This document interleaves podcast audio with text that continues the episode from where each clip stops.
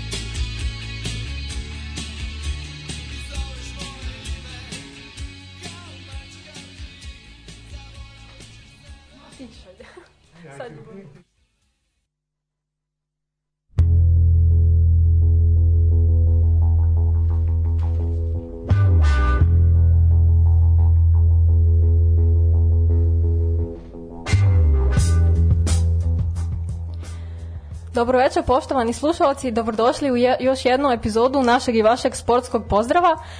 I moj glas se ponovo vratio u borbene redove našeg podcasta i svi su se toliko obradovali, mislim šta da vam kažem, zaista.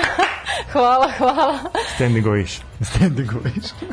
Svi smo i večeras na broju, odnosno i Stanislav i Stefan i Marko i ja i današnja epizoda će malo drugačije da funkcioniše, odnosno odlučili smo da se malo podelimo. Prvi deo emisije će biti posvećen naravno kao i uvek futbalu i tim nekim novostima koje su se pojavljivale ovih dana, a drugi deo emisije ću ja uglavnom da preuzmem i da se posvetim našem gostu kojeg očekujemo večeras, ali o tom potom, o tome ćemo kasnije. Drage moje kolege, imate reč, prepuštam vam. Ja sad Štafeta, razmi- štafeta, Tako, da. štafeta, ja sad razmišljam kao te novosti, prvo što mi pade na pamet, jeste kraj jedne velike ljubavi između Šakire i Pikea. A to, To je futbalska vest. A to, to jeste, pa dobro, ali ja sam mislio da to ostavimo za kraj, onako, ovaj, to, to treba da bude Ne, moralna to jeste pouka, njihov da. kraj, ali ne mora da bude naš. Pa neće biti naša, ali mislim onako da bude neka moralna pouka. početak Da. za nas. Obožavatelje Šakir. da sad kao, znaš, sad je ponovo slobodno, razumiješ? Pa Da. to sam i mislio, na to i ciljam. ako te pozovem, ako ti zazvoni vaka, vaka, šta će biti? Samo bih izjavio posle kako je bila Šakira, vaka naka. jo, kako loše, dobro. Ne, mene samo zanima, znači kao u toj situaciji, da li ti prvo moraš da se pojaviš u njenom spotu, pa da onda krenete vezu, odnosno zabavljanje, druženje, i kako će to da, da se reflektuje na tvoju sadašnju vezu koju imaš? U Šakirinom, u Šakirinom spotu može bilo kojem samo onaj sa peskom da se valjam, to ne bi. Da, nezgodno je na pesku, kažu ljudima kada je nezgodno, da ulazi svuda. Tako ulazi svuda. Ne bih znao. Ni sa Šakirom ne bih katastrofa smo, katastrofa. Nismo kada katastrofe. starta. Ne, ne, ne. E, a prvo, čekaj ovako, prvo zvanično, ovaj, sad, sad i zvanično, ovaj, što bi se reklo u, na internet radio talasima, u etru, ovaj, dragi naš Stefane, srećan ti rođendan, ovaj, da si nam živi i zdravi još godina 100, što bi rekao Bajaga. Ovaj, nećemo reći koji je, nećemo reći koji je, rećimo da je 25 je. Dovoljno. Do, dovoljno, dovoljno, kako Dovoljno da je da, dovoljno. da, da radi šta god mu srce želi. Da, još uvek. Da. E pa hvala vam na ovako lepim željama. I dalje mi srce radi, to što želi, punom parom. Dobro, dugot ne preskače, dobro. Pa da, ali večera ćemo vidjeti u kom je stanju. Aha, dobro, dobro. Pošto eto, mi pratimo sportske događaje, pratit ćemo i večeras taj događaj koji je svima nama, barem u Srbiji, bitan, svima onima koji prate košarku. Mi ne pratimo košarku, ali pratimo u finalnu seriju i imamo opredeljenje ka jednom od ta dva tima. Pa dobro, da, ispratili smo i u emisiji koliko smo mogli, koliko nam je ono što je primarno svakako i ovaj, da kažemo, najpraćeniji sport u Srbiji i najvoljeniji. Koliko nam je dao prostora, toliko smo ispratili, ali eto, danas ćemo malo se i više i tome posvetiti, a naravno i svemu onome što se dešavalo, kako je Tanja lepo rekla, u prethodnih nedelju dana, zaista se desilo svašta. I ja sam tu negde izdelio nekako na neke segmente, pa prvo poglavlje koje otvara mi je poglavlje reprezentacije ili repstacije, ovaj pošto narod ponovo na RTS-u može da prati ovaj mečeve Lige nacija što ja mislim da je izuzetno bitno da javni servis prenosi ovaj reprezentaciju pogotovo Bitno je da javni servis prenosi onoliko koliko je Liga Nacija nebitna. Ne, hoćemo da Pa kažemo... ne bi ja rekao baš da je Liga nacija nebitna Pa, takmičenje. Ja- ja, mislim da je bitna samo kladioničari. Ne, ne, A vidi, ja se opet ne bih složio sa tobom. Izboriš evropsko prvenstvo preko njih ili bilo takmičenje ili A učešće na da, li- takmičenju. da, šta mislite, ćemo mi da izborimo? A ne kažem za nas, ali zašto mi ne bismo izborili? Što onda ne? Pa ne znam, mislim da je utakmica protiv Norveške pokazala zašto mi ne bismo preko Lige Nacija. Pa Ne, ja opet imam, ja imam drugačije Ne, objašnjenje. da, znači, ne, zamenili smo Gojka Andrijaševića Strajnićem Što je onako. i opet, uh, I, o, i odmah Baksus. pa i ova faksa. Da, a dobro, posle Aca Stojanović je prenosio protiv Slovenije. Ovaj, On mi je onako neutralan, razumeš? Ni, nije mi on nikad ovaj, izbog, mislim, sigurno da je izbog suzirao, ali nije mi to za razumeš onako u sećanju, a nama grobarima taj predrag Strajnić, ja nemam pojma. Ali on je Talija, kako? Svi, svi da igrači Partizan su uvijek govorili da je Peđa Stranić Talija. Jeste. Da je donosio sreću. Jeste. Mislim, Ja svi ulasci u ja Ligu mislim da je- šampiona, u takmičenje i tako. Tako. Ko, kad komentariše svaki put, a mi smo imali 15 tih kvalifikacija za Ligu šampiona i on je svaki put, mislim, pa nemoj me takve talije jedan od 15. Ako se ja dobro sećam, Strajnić je prenosio sve te partizanove pehove u zadnjih 20 godina. Pa i uspehe. I uspeh je, mislim, da, uspeh je ne napraviti pehu. Tako da, šta znam, ovaj, ajde prvo da, da to ono kao iskomentarišem da, da mi je bilo drago da ga vidim, a bilo mi je drago da vidim još jednu osobu koja je bila stručni konsultant te večeri na toj utakmici protiv Norveške, a to je uh, Rade Bogdanović. Veliki gospodin Rade. Tako je. moj dvojnik. Jest, ja sam njegov dvojnik. Da, pošto s tim Da, i ovo izjavio sam više puta, ovaj, kada mi je Stefan skrenuo pažnju na našu sličnost, ja sam više puta izjavio da tri života da živim, ja opet ne bi bio kao Rade Bogdanović Meker, ni blizu. Ne može A dobro, pazi, Rade Bogdanović se pojavi na stadionu za razliku od tebe koji se nisi pojavio. Pa ja sam imao obaveze, razumeš? Koje tako da- obaveze su veće od reprezentacije? Tako je. Pa sudio sam jednu utakmicu. A, okej, okej, onda je to, to se poštuje. Utakmica se ne sudi u četvrtak. To je četvrtak bilo. Tako. Ali ovo si slago sad. Jao, ne, ne, e, juče sam sudio utakmicu, a u četvrtak Nema veze. Šta si radio? Nema veze, Nemoj se nema zakopavati veze, nema dublje. veze. Ako si, ako si išao ko Šakire, ne mogu da se Onda setim. podržavam. Ne možeš Kiru pominjati, manj Kiru. E, dobro, znači imali smo utakmicu protiv Norveške i možemo reći da nam se Norveška delimično osvetila za ono što se desilo u prošlom susretu ove dve reprezentacije. Uh, jedna akcija je prelomila meč, lepo prolaza po krilu, vraćen u peterac, Haaland je natrčao, pogodio što nije bilo mnogo teško u tom momentu. U suštini odbrana je čak i lepo funkcionisala, nije Haaland ispao, ispao je recimo dva, tri puta, ali je napad bio poprilično tup i nekako falila je tu neka veza. Lukić je bio, na primjer, poprilično ovaj raspoložen za igru i dobro je kombinovao, ali na primjer Gudelj je dosta grešio i tako bilo je bilo je poprilično onako trzavice u igri što se može negde pripisati i uh, teškom vremenu i umoru i svi ti momci su odigrali igrali dugo, jel, sezona je bila duga. Pauza će biti jako kratka, počinje nova sezona, tako da ne bih ovaj poraz nešto posebno predavao značaj, nije to ništa alarmantno. Ono što je po meni alarmantnije u ovom porazu od Norveške je to što je posjećenost bila poprilično slaba. jeste posjećena bila slaba, a druga stvar, uh, odmah se krenulo sa salvom uvreda na račun Dragana Stojkovića. Uh, što zbog tog poraza, što zbog same te činjenice da ljudi nisu ispratili našu reprezentaciju, bar u toj prvoj utakmici.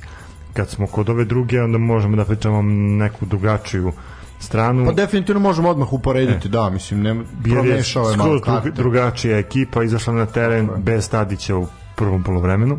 Mitrović je poveo ekipu kao kapiten. A, mnogo više je bilo a, ljudi na stadionu u odnosu na tu prvu utakmicu. Uh, Mitar je postigao pogodak, to je Da, i to je jako važno. eto, Da, to je bitno. Učvrstio se definitivno na toj poziciji najboljeg strelca reprezentacije svih vremena. Milinković Savić je dao gol posle dosta vremena. Uh, Jović je pogodio. E sad akcija... Dosta, dosta. Da.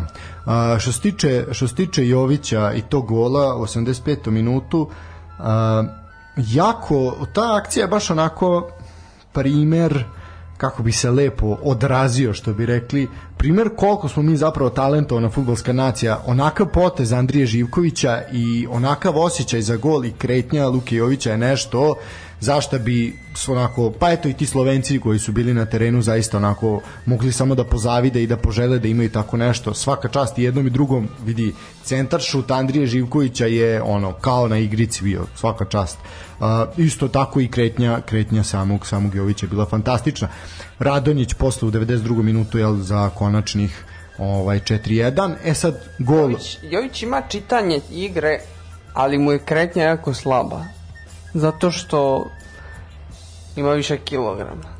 Tako da, ne, mene, ne, bih, ne bih ja mene- rekao da on ima više Ja kilograma, ja rekao, mislim da. da on svoju kilažu dozira onako koliko je potrebno Da. za jednog profesionalnog Stamen je sportista. on, Koliko da. je potrebno da sedi na klupi toliko. Ne bih rekao da se dozira. i na klupi, znači on, on ima trenažni proces. On Ne znam, meni Jović sve više i više podsjeća na Pecu Kođa, razumeš? Ne može puno da potrči, ali čita igru perfektno. Tako da, pa mislim da je definitivno došlo vreme za promenu sredine. pa i ja sam. To, to se ja slažem se sa mislim da treba da ode negde gde će igrati. To je ono što je, pa u krajnjoj liniji Pixi o tome pričao. I za Pavlovića, i za Jovića, i za sve, da je jako bitno da takve igrače ne izgubimo, reprezentaciji su potrebni i vreme da odu negde gde će igrati. Mislim, ja se sećam one situacije sa Vladimirom Stojkovićem koji je branio za nacionalnu selekciju, a, nije imao branio klub, svojom da, nije klubu. Da. klub, da. E, mislim da to ne smije se, da se dovodi u pitanje i to ne smije da se dešava našim reprezentativcima. Znači, oni moraju da imaju kontinuitet igara što u klubovima, što u nacionalnoj selekciji. Tako je. E sad, ono što je još nešto na što možemo biti ponosni je zapravo, i to je e, selektor Slovenije Matijaš Kek rekao da jednostavno on nije imao tu širinu da promeni osam igrača kao što je to uradio Pixi i da se tu zapravo negde posle dugo, dugo vremena ogleda naša prednost, a to je da zaista imamo široku klupu gde tebi može ući Andrija Živković i odmeniti bilo koga, isto tako ući Lukić i tako dalje i tako dalje i tako dalje i da se jednostavno ne oseti izostanak onih, da kažemo, standardnih prvotimaca. E sad, e, gol za Sloveniju postigao je Petar Stojanović, fantastičan pogodak, jedna lepa onako e, minijatura, dva igrača Slovenije gde je čovjek istrčao, e, po meni je ovde pokazatelj gde smo mi najslabiji, a to su svakako golmani, a, Rajković je izašao na peterac i stao. Znači ne možeš to uraditi. Ili si izašao do kraja ili nisi izašao. A, Znaš kako ja gledam tu perfektno situaciju- da ga čovjek lobuje i što je uradio le, lepo je odradio ovaj, igrač Slovenije, ali ono što meni tu bilo malo čudno jeste sama situacija gde on vuče loptu sa desne strane i golman naš, Rajković, kreće ka njemu, staje i ja sam očekivao da će on ući u šut. Međutim, on malo vrlo inteligentno je čovjek ga lobuje i to je to. Stojanović je vrlo inteligentno odreagovao to što jeste zaista jedan kvalitetan kvalitetan ovaj bek a, mnogo su se ogrešili o njega u bivšim klubovima pogotovo u Dinamu gde su ga onako govorili da je spor, da je trom, da je mator, da ovo da ono, a čovjek je pokazao eto i svakako da to nije slučaj, tako da eto ipak uh, ne treba pustiti navijače da sude i da teraju da dovode igrače već, za onaj, već onaj ko je za to za to stručan. E, znaš, u tom momentu kad su Slovenci postigli gol, došlo do poravnjanja rezultata, odnosno bilo već 1-1, mi smo imali situaciju gde smo mogli možda da, da povedemo ovaj sa dva gola prednosti. Ona situacija gde je nesebičnost na kraju uticala na to da se promaši lopta, odnosno da lopta pobegne igraču u situaciji 2 na 1 E, opet to je pokazatelj da ova ekipa ima neku harmoniju, da nisu svi uh, egoistički nastrojeni, da se ne gleda samo lična korist i, i lični učinak, već da stvarno dišu kao jedan tim. Uh, posle toga, eto, videli smo u, u drugom polovremenu skroz drugačiju našu reprezentaciju, opet izmene su izvršene kada treba i opet Slovenija nije možda reprezentacija na kojoj mi treba da da gledamo da li možemo nešto da, da, da uradimo. Ovde se svakako očekivala Pa Vidi, prva, pobeda, ali, ali na, na Da osnovu li tih prvih... očekivala? Da li se Ja- očekivala? ja- Nikad ja- nisi pobedio Sloveniju do sad. Zašto? Imao si jače Pa reprezentacije. ni ja, si ja sam gledao njihov, ja sam gledao njihov, prva pobeda. Njihov ovaj, uh, sastav sam pogledao, nisam tu video neka zvučna imena, osim Oblaka koji je stvarno dobar golman, ali sve ovo ostalo, ne znam, ja sam stvarno očekivao 3-4-0 lagano. Pogotovo po, po ovom vremenu. Što bi se reklo, mislim, kad se podvuče crta, šta je najbitnije? Ovaj, mislim da ne treba puno nešto palamuditi o ovome.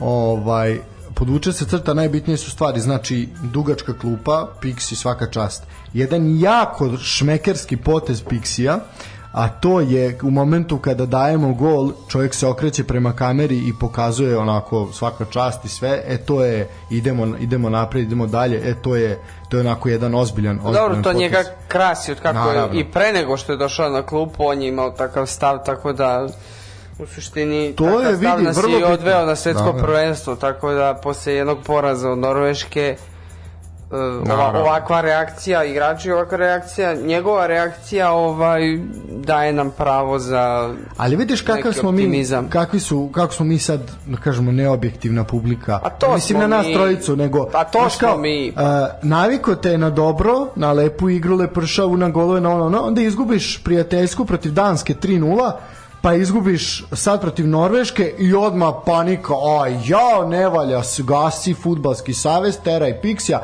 180 minuta nismo dali go. A evo 20 godina nismo bili na evropskom prvenstvu pa nikom ništa.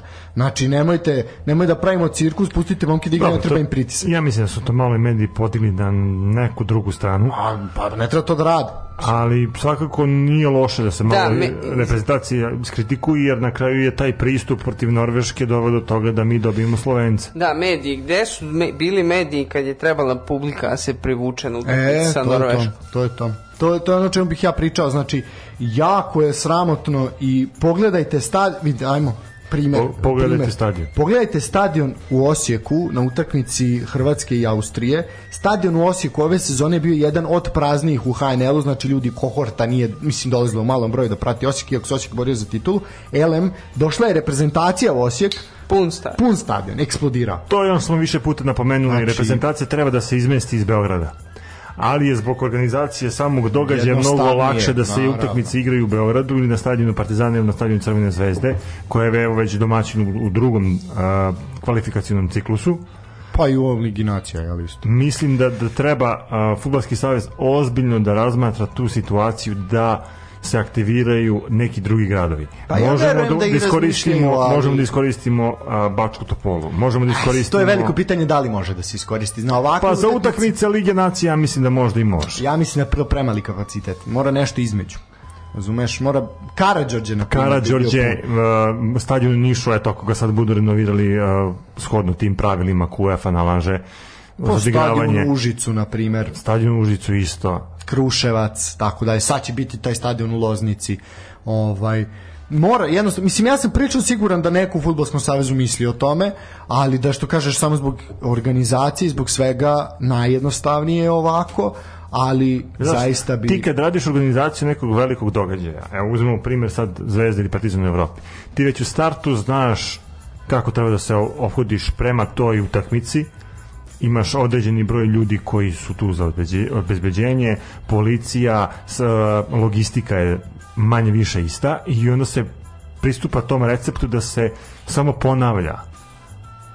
E, to bi bilo skroz drugačije da se utakmice dešavaju u Novom Sadu, Nišu, Kruševcu, Kragovcu, bilo gde drugde. Znaš, ti moraš da menjaš celu logistiku i onda je mnogo lakše da se utakmice igraju u Beogradu.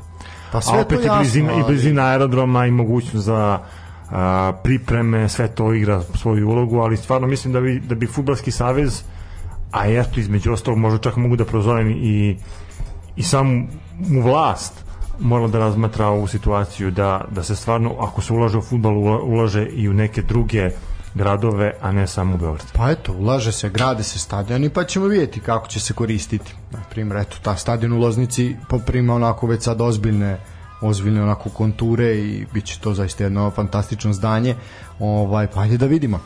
A, vreme će pokazati, vreme će pokazati. Misliš, imaš taj stadion eto, koji se gradi u Loznici. Imaš stadion u Zaječaru koji je u fazi skoro ono, izgradnje, mislim da će ove godine biti definitivno pušten u upotrebu. Imamo taj stadion u Leskovcu koji se isto gradi. A, ima, eto, rekonstrukcija Čajira, rekonstrukcija i Karađorđe između ostalog, može tu da se napravi nešto, ali opet potrebna je velika količina novca i potrebna je jedna pa nadljuska volja. Pa, vidjet ćemo. Nadamo se da je naši čelnici imaju. Elem, hajmo dalje. Znači, u suštini, to jeste, jeste onako negde negde najtužnija slika ovaj te prve utakmice moram priznati protiv Slovenije je to bilo mnogo mnogo bolje ali i sam termin gde je ipak bila nedelja Jeste, da, se. ovaj je je onako i gde su mnogo više ljudi iz unu, same unutrašnjosti države je došlo to je opet nedelja E, Jel, imam još jednu stvar moram da kažem, eto, a, kad poređujemo navijače, a, bilo je a, par simpatizera Norveške koji su imali trubu, na momente su me Da. podsjetili kao da sam u Surdulici. A druga stvar, bilo je dosta slovenaca koji su popunili pa ja mislim onaj gostujući sektor, ali samo taj gornji deo, tako da mogu da kažem da je bilo negde oko stotinak, 150 slovenaca plafon. Što opet ono pokazuje eto da postoje ljudi koji prate a, svoju reprezentaciju gde god igra. Pa bio je bio je članak o tom navijaču Norveške koji je obišao ne znam koliko već utakmica. Koji je u trubu. Ma da, između ostalog. Ovaj koji je obišao ne znam koliko već godina, 50 godina već zadnji prati reprezentaciju na svim gostovanjima, neko ludilo. Ovaj mislim svaka čast, ali to je jedan kult reprezentacije. Njega koje- ćemo dovesti u, emisiju. da. Sledeći put ga Ovaj, budemo igrali sa Ili na svadbu.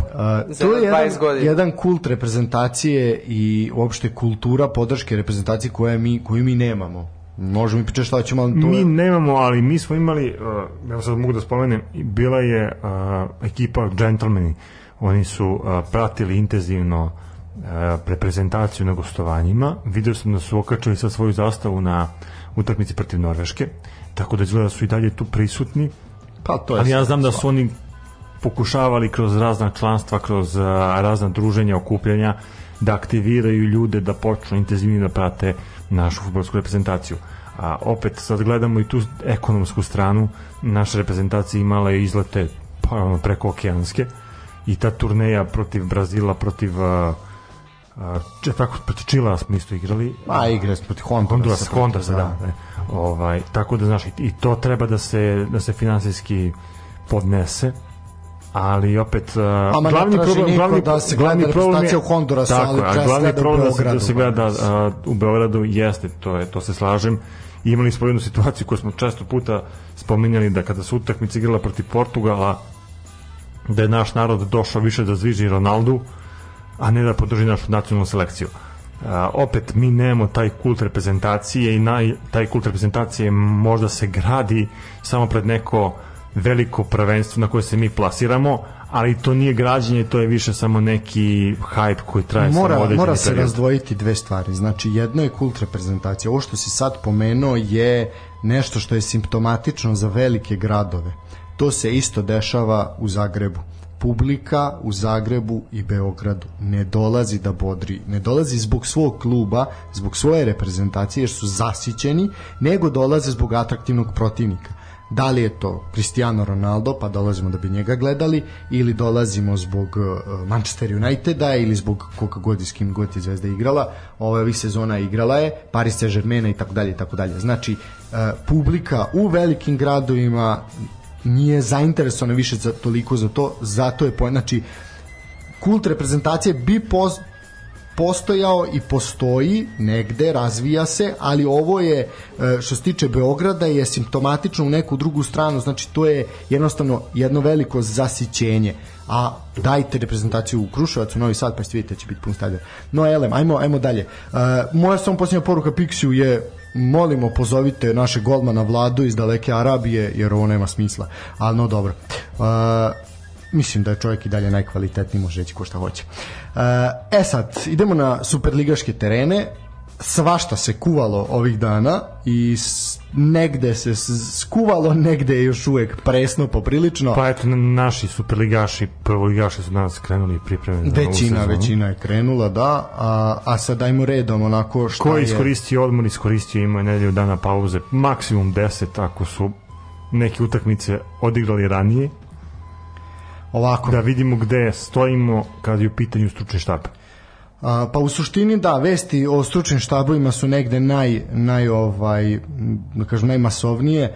A, svakako klub koji da kažemo ima najveću ovaj da je najveći znak pitanja u vezi stručnog štaba je fudbalski klub Partizan gde se zaista ne zna ko će i šta će preuzeti.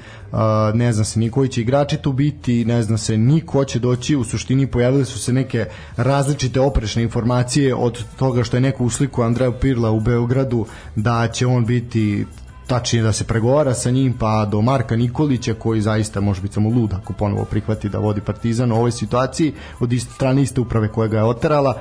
Veljko Paunović, Slaviša Jokanović, Aleksandar Vuković. Znači tu su sad i To, ono, osim izvuče Vuković, se evo ovako, osim Vukovića imena. koji meni bio onako pa da kažem a, novo lice obzirom da, da, da znam da je svoju karijeru gradio na poljskim igralištima Mm, ovo sve su treneri koji se pojavljuju uvek kada Svaki se spomene put, Partizan tako, i, je i smena trenera.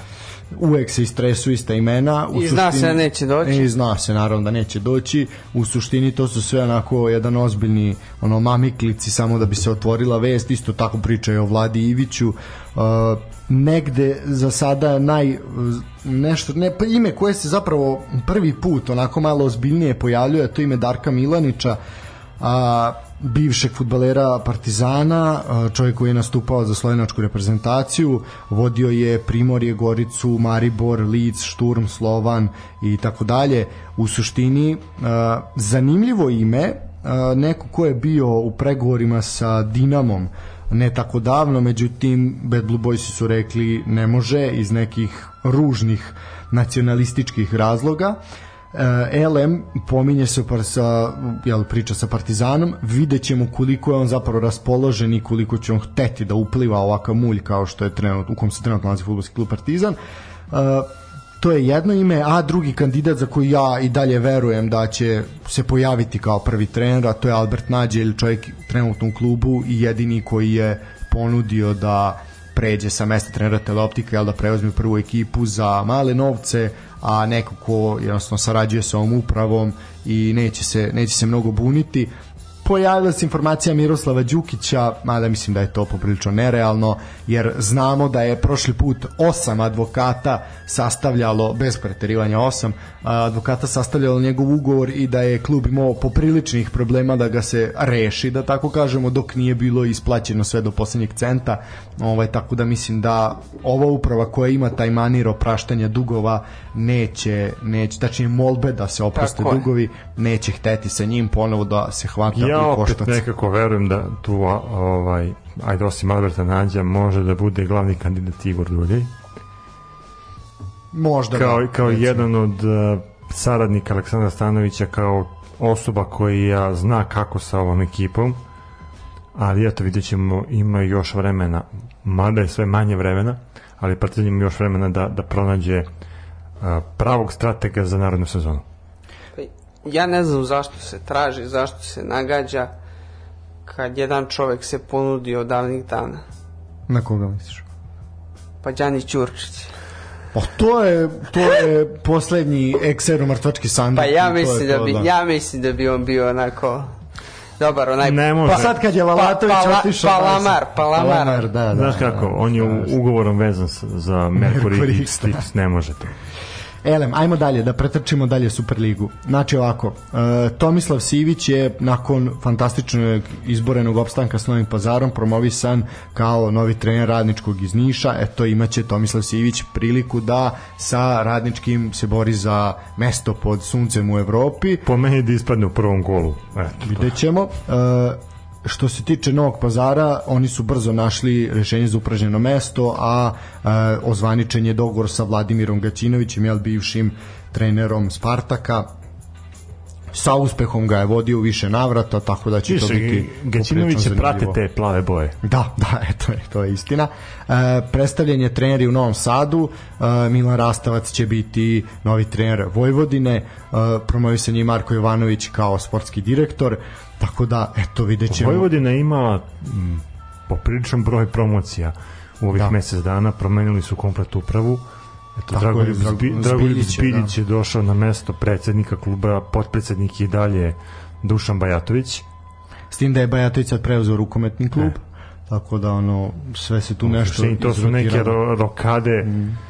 Vidjet ćemo kakve će biti i da li će doneti nešto novo i nešto bolje kad je u pitanju ovaj futbolski kolektiv, odnosno sportski da Da, ne. produž... Biljić je uh, direktor i od Bojkaškog kluba. Tako da, je, da, tako je, da. Da. Da, da, jeste, jeste. Da, da, da, predsednik. predsednik. E, Ovaj, to. u suštini obnovljeni su ugovori sa momcima koji su a, da kažemo jel, mlade nade i talenti Vojvodine i to je jako bitno da se oni zadrže e sad postoje neke indicije da bi i neke želje da eto Lazar Rosić i Filip Malbašić pojačaju pojačaju ovaj Vojvodinu. Tu se čak pominje Milan Spremo koji je to e, istekao je ugovor sa napretkom pa eto možda se vrati u svoj rodni grad. Sve u svemu biće ovaj jedno zanimljivo leto u Vojvodini onako jedan preporod u najavi. Uh, Banovo brdo isto je bilo uh, gužva na Banovo brdo poprilična uh, predstavljen je novi trener uh, nama do duše to malo nepoznat ali oni su njega želeli uh, vidjet ćemo da li je ta želja zapravo da li ona imala smisla i koliko je to sve koliko će biti da kažemo plodonosno. Delotvorno. E, delotvorno da. Kerkez je predstavljen kao trener. E, Đorđe Jovanović je se vratio u srpski futbal ovaj je. potpisao je ugovor sa Čukaričkim. Očekuju se potpisi Luke Adžića. To je onako u nekim završnim stadijima pregovora. I jedna od želja e sad možda malo teže ostvarivih za Čukarički je Miloš Ninković. Pa ne vidim da je možda to baš neizvodljivo. Pa nije neizvodljivo, ali pitanje je koliko je realno. I koliko zapravo on može tu nešto na terenu da da upravo, s upravo to, na... to je možda i bolje pitanje. Koliko on može da pruži na terenu. Pa ja mislim da bi bilo lepo ponovo ga gledati. To svakako Definitivno. nama kao neko ko prati domaću ligu i ko voli to, nama bi bilo onako lepo ga videti ponovo. E sad koliko njegovo telo je sposobno s obzirom da je on jel godine godine su se skupile, a bilo je i teških povreda. Vidjet ćemo. Sve u svemu, on će to najbolje proceniti, a eto, zanimljiva, zanimljiva i lepa želja eto, Pa mi, Tukaričkog. mi iz sportskog pozdrava ga čekamo Mi, raširenih da, ruku. Naravno, naravno. Mi ćemo se obradovati. Elem, uh, Nenad Lalatović je predstavljen u Banja Luci, otišao je u Borac. Uh, zanimljiv video ga je predstavio, deca na stadionu su slagale puzle sa njegovim likom. Uh, Koliko bi nam bilo drago da dođe Ninković, toliko bi nam je žao što Lala to Da, jednostavno, naš sa, baš sam pričao sa, sa ljudima koji prate Bosansku ligu i ovaj oni su rekli kao eto sad će imati svakog svake nove nedelje će biti sigurno makar jedan skandal u režiji Nenada Lalatovića. Da, Re, reče Lalatović ovaj, pri dolasku na klupu, kaže dolazim u uređenu sredinu. Reče i ostade živ. da, ovaj, a ako postoji neuređenija liga od naše, onda je to bosanska definitivno. Znači, ali dobro, ajde. A I on- dobro, to je, to je Lalatović. To je lalat, da. Mislim, nama će biti teško. Mi sad, sigurno nam je jedna tema nedeljno zakinuta, jer on nije tu. Morat ćemo sad malo fokus da usmerimo ka Banja Luci. Pa pratit ćemo više, definitivno. Pa mora, da, do sad je bilo krajičkom oka, sad će biti malo, malo više. Ne. U svakom slučaju, što se tiče borca i same bosanske premijer lige, dolazak Lalatovića svakako je onako jedan dodatna medijska pažnja, što je svaki publicitet je dobar publicitet, makar tako kažu, ali definitivno da će biti zanimljivo i da neće nikog ostaviti ravnodušnim ko što nije ni ovdje. Ja mislim da će Lalatović biti novo reklamno lice Nektar pivare Pa dobro, Ili da. Koliko nektar piva može da stane onaj njegov prsluk? Uf, to, da, da, kao do sad, do sad je su delili prsluke, sad će da mu dele, ono delit će gajbe ili tako nešto, da. Koliko piva može stane? Šta Pa misliš? ne, znam. pitanje. To će, to, Pitanje- evo, predlog za reklamnu kampanju. Prva reklama, pako, pakujemo da vidimo koliko može piva da E, stane. a moram stvarno da, da ih pohvalim, oni imaju baš dobar uh, slogan imali su tokom korone baš dobre uh, reklamne kampanje, tako da me sad ne bi čudilo da angažuju Lalatovića kao reklamnu. Zašto da ne? Pa to je sasvim realno i iščekivano. Uh, Elem, Lalato, puno sreće, a ja imam neki osjećaj da ćemo mi njega... pazi, osim Dodika, ja ne znam neku poznato lice iz Banja Luke. Pa Draško Stani Vuković. Da, da, da, Draško je Pa, Draško šminka. pa eto, Goran Zakarić je igrao za borac iz Banja Luke, Marko Jovanović je igrao. Volkov, pa ovaj ima Subić, bek isto. Da, da, imali su, imali su te Imali su, sezone baš da. dobre. Ovaj, Mislim, baš dobre bivši igrače Partizana, da. pa bio je Meleg, Pa, na primjer. toliko da. su igrali dobro da su se baš proslavili. Ali Da, dobro. pa dobro, te godine su bili Iz- prvaci, da. Da, i bili prvaci, izašli u Evropu na kraju. Ekspresno se vratili Ekspresno se kući, vratili dobro. kući, da. Kiza Milinković dao otkaz. Da, Kiza E, Milinković. kad smo kod Kize Milinkovića, u nekom momentu mi je on čak pao na pamet kao možda strateg koji bi mogao da se vrati na klupu Partizana. Pa eto, da. Mislim, s obzirom na katastrofalan učinak sa Kruševcom u ovaj... U... Nemojte ljudi ko Boga da smo. E, sve u svemu, dobro, zaključujemo priču s Lalatom, neka mu je srećno, fali će nam, jer kažem, ovaj, jedna tema manje. Elem, najnoviji i najmlađi superligaš u ove sezone, mladost sa novog naselja je ostala bez trenera. Bilo je rečeno da će ga zadržati, međutim, juče, kasno uveče se pojavila vest i danas je to već objavljeno u svim ovaj medijima da jednostavno nisu našli zajednički jezik i nisu dogovorili nastavak saradnje, tako da je to mladost isto započinje pripreme bez šefa stručnog štaba gde ćemo ko će preuzeti ovu mladu, mladu ekipu. Dakle, Ljubar Istovski je napustio mladost, ekipu s kojom je napravio jedan jako dobar rezultat. E, sad vidjet ćemo narednih par dana ko bi mogao da sede na klupu ekipe sa Novog naselja.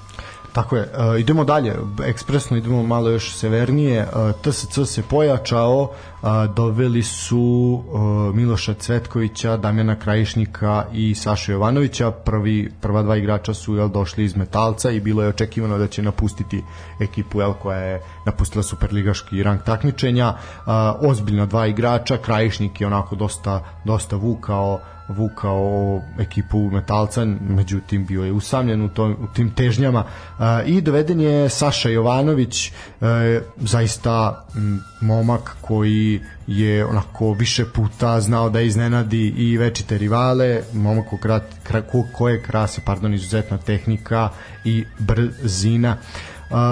U suštini šta još imamo da kažemo? Imamo da kažemo da je e, eto promena bila je u Kolubari, Nebojša Jandrić je preuzeo ekipu Kolubare i poslednja vest iz Super lige koja onako i tu ćemo prokomentarisati nju i otići na pauzu, koja onako zatresla zatresla ovo superligaško tlo, a to je da je a, šef stručnog štaba u prošloj sezoni Voždovac Aleksandar Linta napustio funkciju u futbolskom klubu Voždovac i a, prešao u radnik iz Surdulice. E sad, ja bih volio da ovo prokomentarišem, s obzirom da smo mi pratili taj voždovac i nadali se tu a, izlasku u Evropu i delovalo je sve to da će to biti jedna a, duga, duga ovaj priča i saradnja između Linte i futbolskog kluba Voždovac i najavljena je to ta borba za Evropu u novoj sezoni. I onda dan pred početak priprema pred pokupljanje ekipe ti odeš u radnik iz Surdulice sam direktor kluba Voždovac to možete pročitati ovaj i na njihovom zvaničnom sajtu, a i već su mediji brzo preneli da je uh, rečeno da je Linta otišao zbog unosnije ponude koju Voždovac ovaj Nije mogu da isprati. Pa da li nije mogu ili nije hteo, to sad ne znamo. Pa dobro, ja ono, kažem. ali ja sumnjam, mislim ja ne vidim, znači imaš ja možda, možda sam, i što bi rekao Đorđe Čvarkov, možda sam ja normalan ili je ceo svet lud, ali ja ne vidim ovaj poentu zašto bi neko iz Voždovca išao u Surdulicu, znači imaš Zbog ekipu, saobraćaja. Definitivno. Ovaj imaš ekipu koja je ovaj ti se bori za uh, mesto u Evropi, koja bi da nije bilo ne sramotne odluke ovaj da se dodele bodovi radničkom iz Niša i malo više da su imali sreće u samom rasporedu bi sigurno ovaj bili četvrti. Elem, uh, ti odeš iz takve ekipe, znači gde imaš kvalitetan sastav, borbu za Evropu, imaš sistem, odeš u radnik iz Surdulice s kojim ćeš šta, da budeš prvi u play-offu, u play-outu. Znači, ne znam, po meni to nije, kakva god da je unosnija ponuda, koliko unosnija mora biti da bi ti na ovakav način otišao po meni, meni jako, ja moram priznati da sam razočaran, onako sinoć kad sam to sve čitao uh, negde, zaista nisam to očekivao i hvalili smo i njega i njegov pristup i uopšte celu organizaciju futbolskog kluba i onako baš me, baš me razočarao.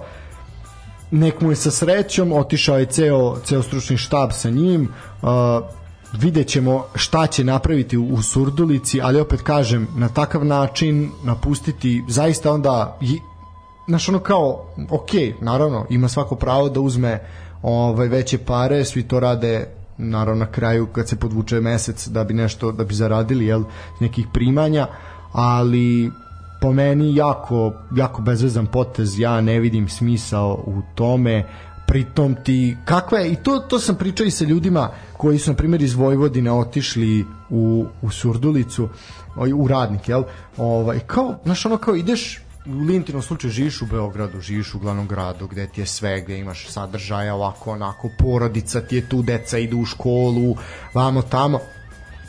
I onda odeš Bogu iza Tregera u Surdulicu. Razumeš? Da se mi ne lažemo. Surdulica je četiri poprečne ulice. Kraj.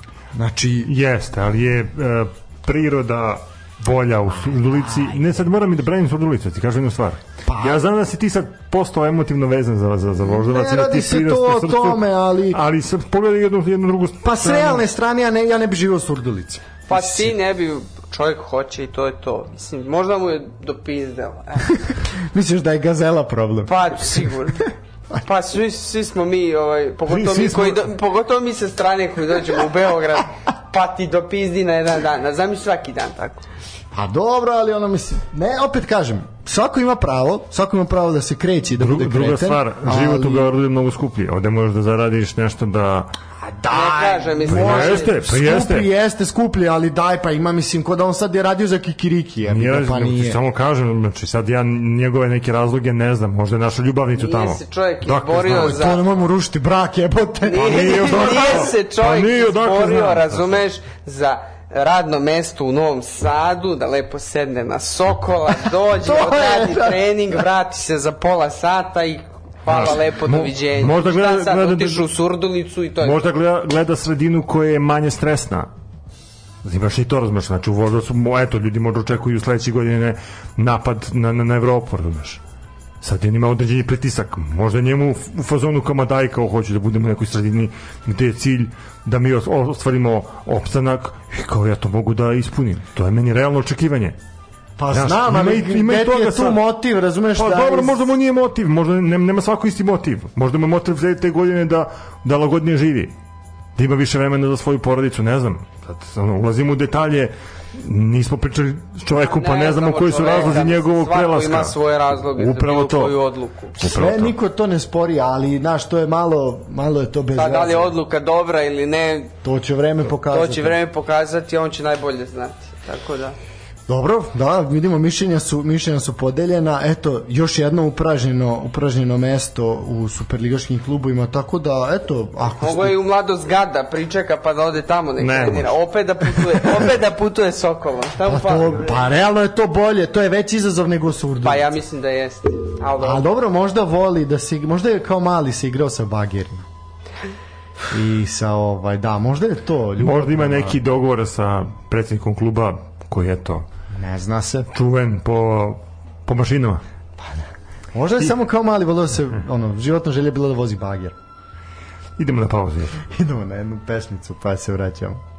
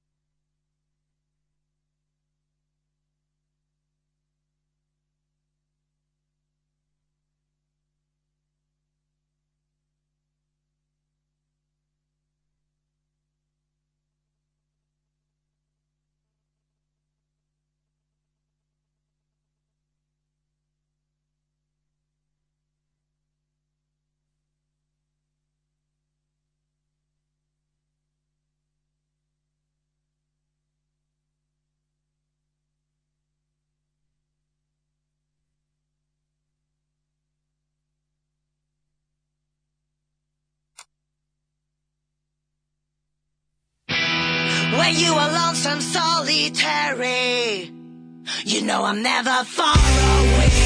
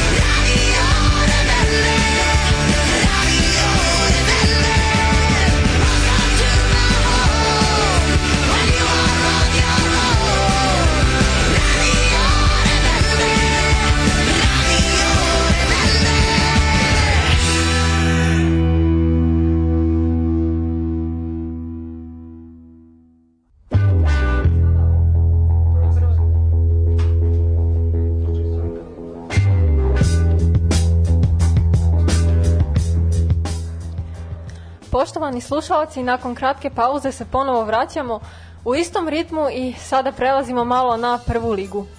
Da, ja se izvinjam, imamo tehničkih problema. Mislim da ceo grad ima problem sa Da, SBB, nešto SBB je problematičan i onako nestao je prvo par minuta pre samog uključenja, zato smo malo kasnili, a evo i sad je i sad je opet opet pao i ali ajde Nema šećera na rafovima, ne, zejtin poskupeo, benzin poskupeo, sad odjednom se gubi internet.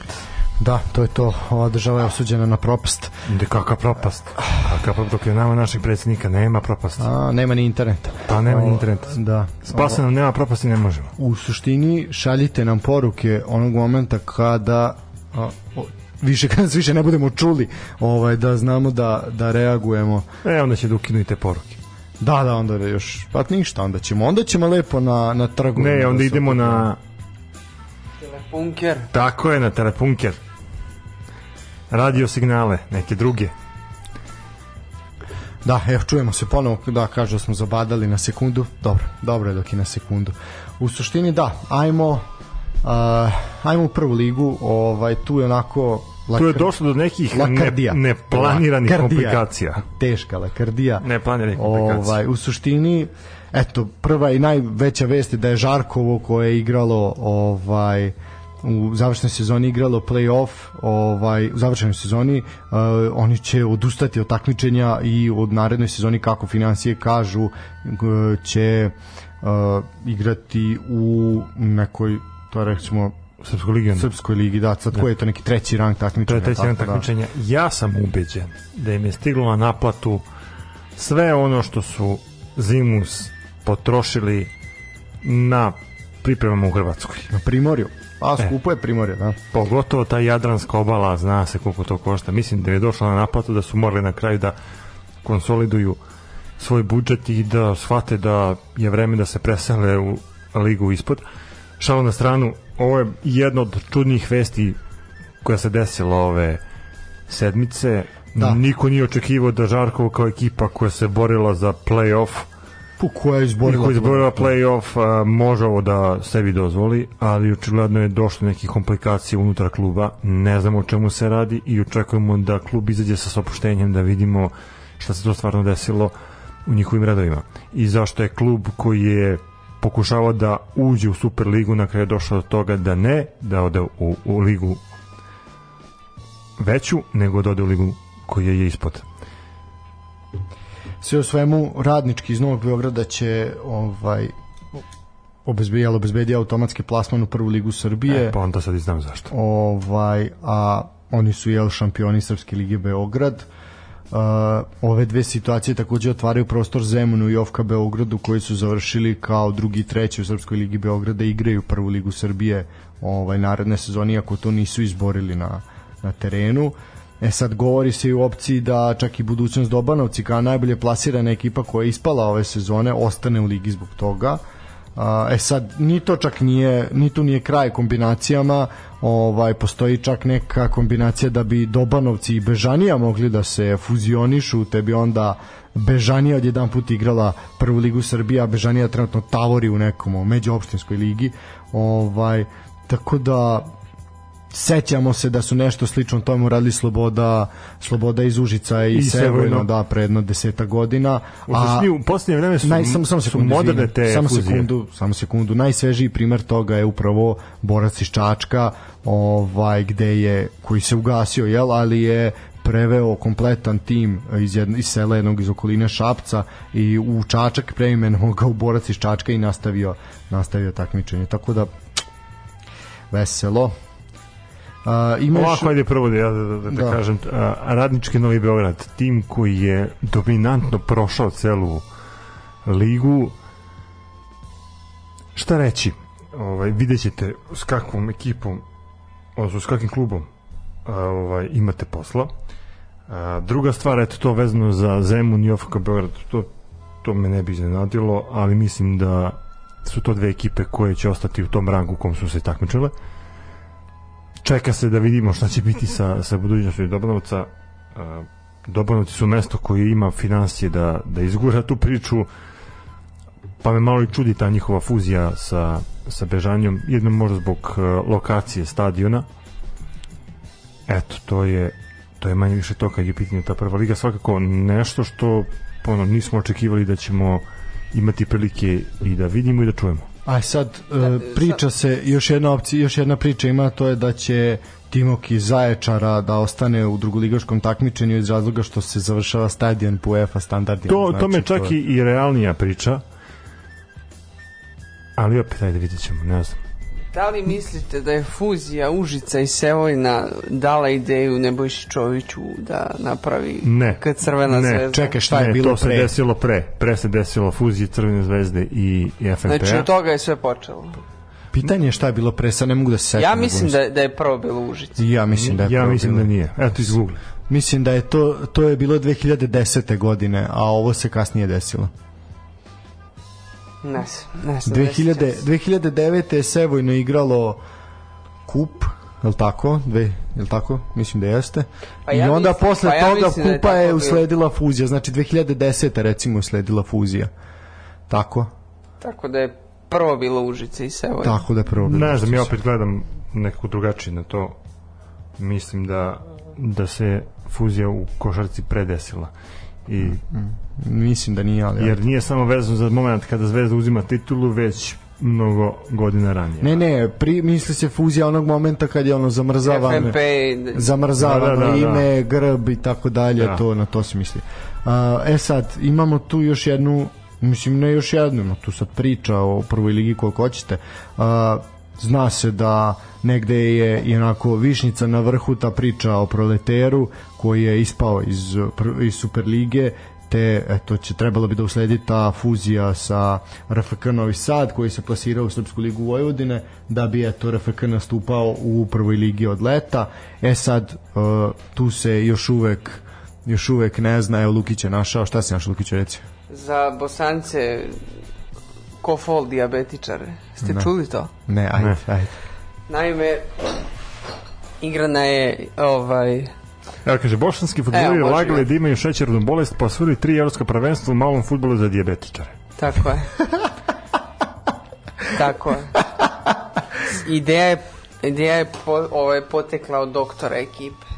A ja sad idem da Ajde, ajde, dočekam evo, stigao- stanje, stigao. Ja idemo da dočekamo naš Stigao je, stigao je gost. Molim te, to na čemu si sedeo skaloni?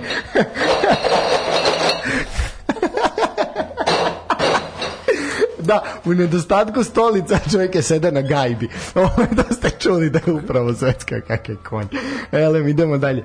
E, sve u svemu da, ta priča ovako, proleter se zaista dao jednu ofanzivu, znači to neka defanziva zapravo, ne ofanziva, da odbrani svoj klub i poprilično su aktivni na društvenim mrežama i ne samo to i priča je bila i oko mesne zajednice, gradonačelnika, pucaju čak do predsednika.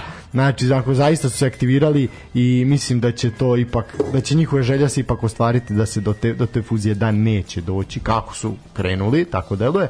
E sad, možda Uh, jedna i lepa vest, ajde ne bude da su sve cirkusi, lakrdije i katastrofe, a lepa vest je povratak uh, gradskog futbolskog kluba Sloboda iz Užica posle tri godine vraćaju se u prvu ligu Srbije pobeda nad RSK Rabravom od 3-0 u poslednjem kolu i zaista Čekaj, Rabrovo je mesto kod Požarevca. Ne znam. Jeste. Ne A. poznajem geografiju dole toliko. To treba predsjednika pitati, on zna sve te sela i zaseoke. Ovaj, u suštini, zaista jedna lepa atmosfera na stadionu Radomir Antić u Užicu, bilo je dosta, dosta publike i e, eto, momci su osvojili Srpsku ligu Zapad i postali su novi učesnici prve, prve lige Srbije. Uh, završili su Užičani prvenstvo sa 63 boda, koliko imali sloga iz Požege, sigurno jedan od najbaksuznijih klubova u državi u posljednjih pet uh, godina. Uh, u suštini manje više je to to Ako to to mislite, mogu... E, imamo još samo jednu vest i onda ćemo se posvetiti našem gostu, a to je ono što se dešavalo na Final Fouru Lige šampiona u Waterpolu.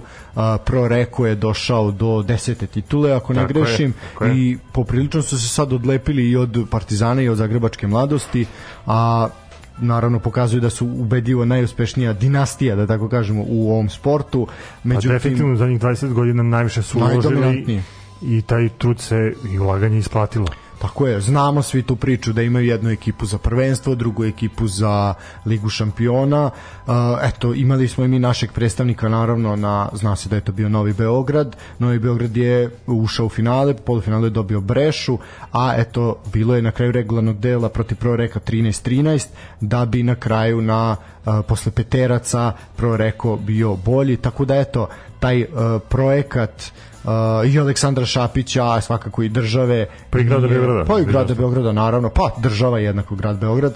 Ovaj nije nije ovaj uspela da da kažem donese taj željeni rezultat to što su oni Bar u toj prvoj godini. Pa da, sad vidjet ćemo šta će biti biti u narednoj. Sve u svemu, eto, uh, može se reći da u današnje vreme redak primjerak, primjer u sportu da eto taj instant, instant projekat ne uspe, nažalost u prethodnih godina takvi projekti su sve češći, a što je najcrnije sve, sve uspešniji onda daju negde pogrešno iskrivljenu sliku da je to pravilan i ispravan put, naravno da nije. Uh, ja mislim da je manje više to to prelist, prelistali smo sve uh, sad ćemo se posvetiti našem gostu uh, došao nam je momak iz šampiona države ovaj, Bojkaškog kluba Vojvodina mi ćemo ga sad predstaviti malo ćemo detaljnije sa njim pričati o ovoj sezoni koja je zaista bila poprilično i zanimljiva i uspešna za uh, šampiona iz Novog Sada a naravno pratit ćemo malo i dešavanja u hali Aleksandar Nikolić gde se igra majstorica, odnosno peta utakmica između a, Crne zvezde FNP-a i Partizana. A, eto, za kraj ono što smo i rekli, ako ovaj pomislite da ste glupi, setite ste da je Gerard Piqué prevario Shakiru, bit će vam lakše, a mi idemo na kratku pauzu i onda se vraćamo sa našim gostom. Da nađem neku prigodnu numeru, šta bi mogli pustiti. Mogli bi čak i dve, Pusti a? Shakiru ako imaš. Ne, nemam, nemam Shakiru, ali pustit ću dve, dve pesme tamo da se mi malo i mi relaksiramo i upoznamo s našim gostom. Ništa ljudi, uživajte, čujemo se za 5 do 6 minuta.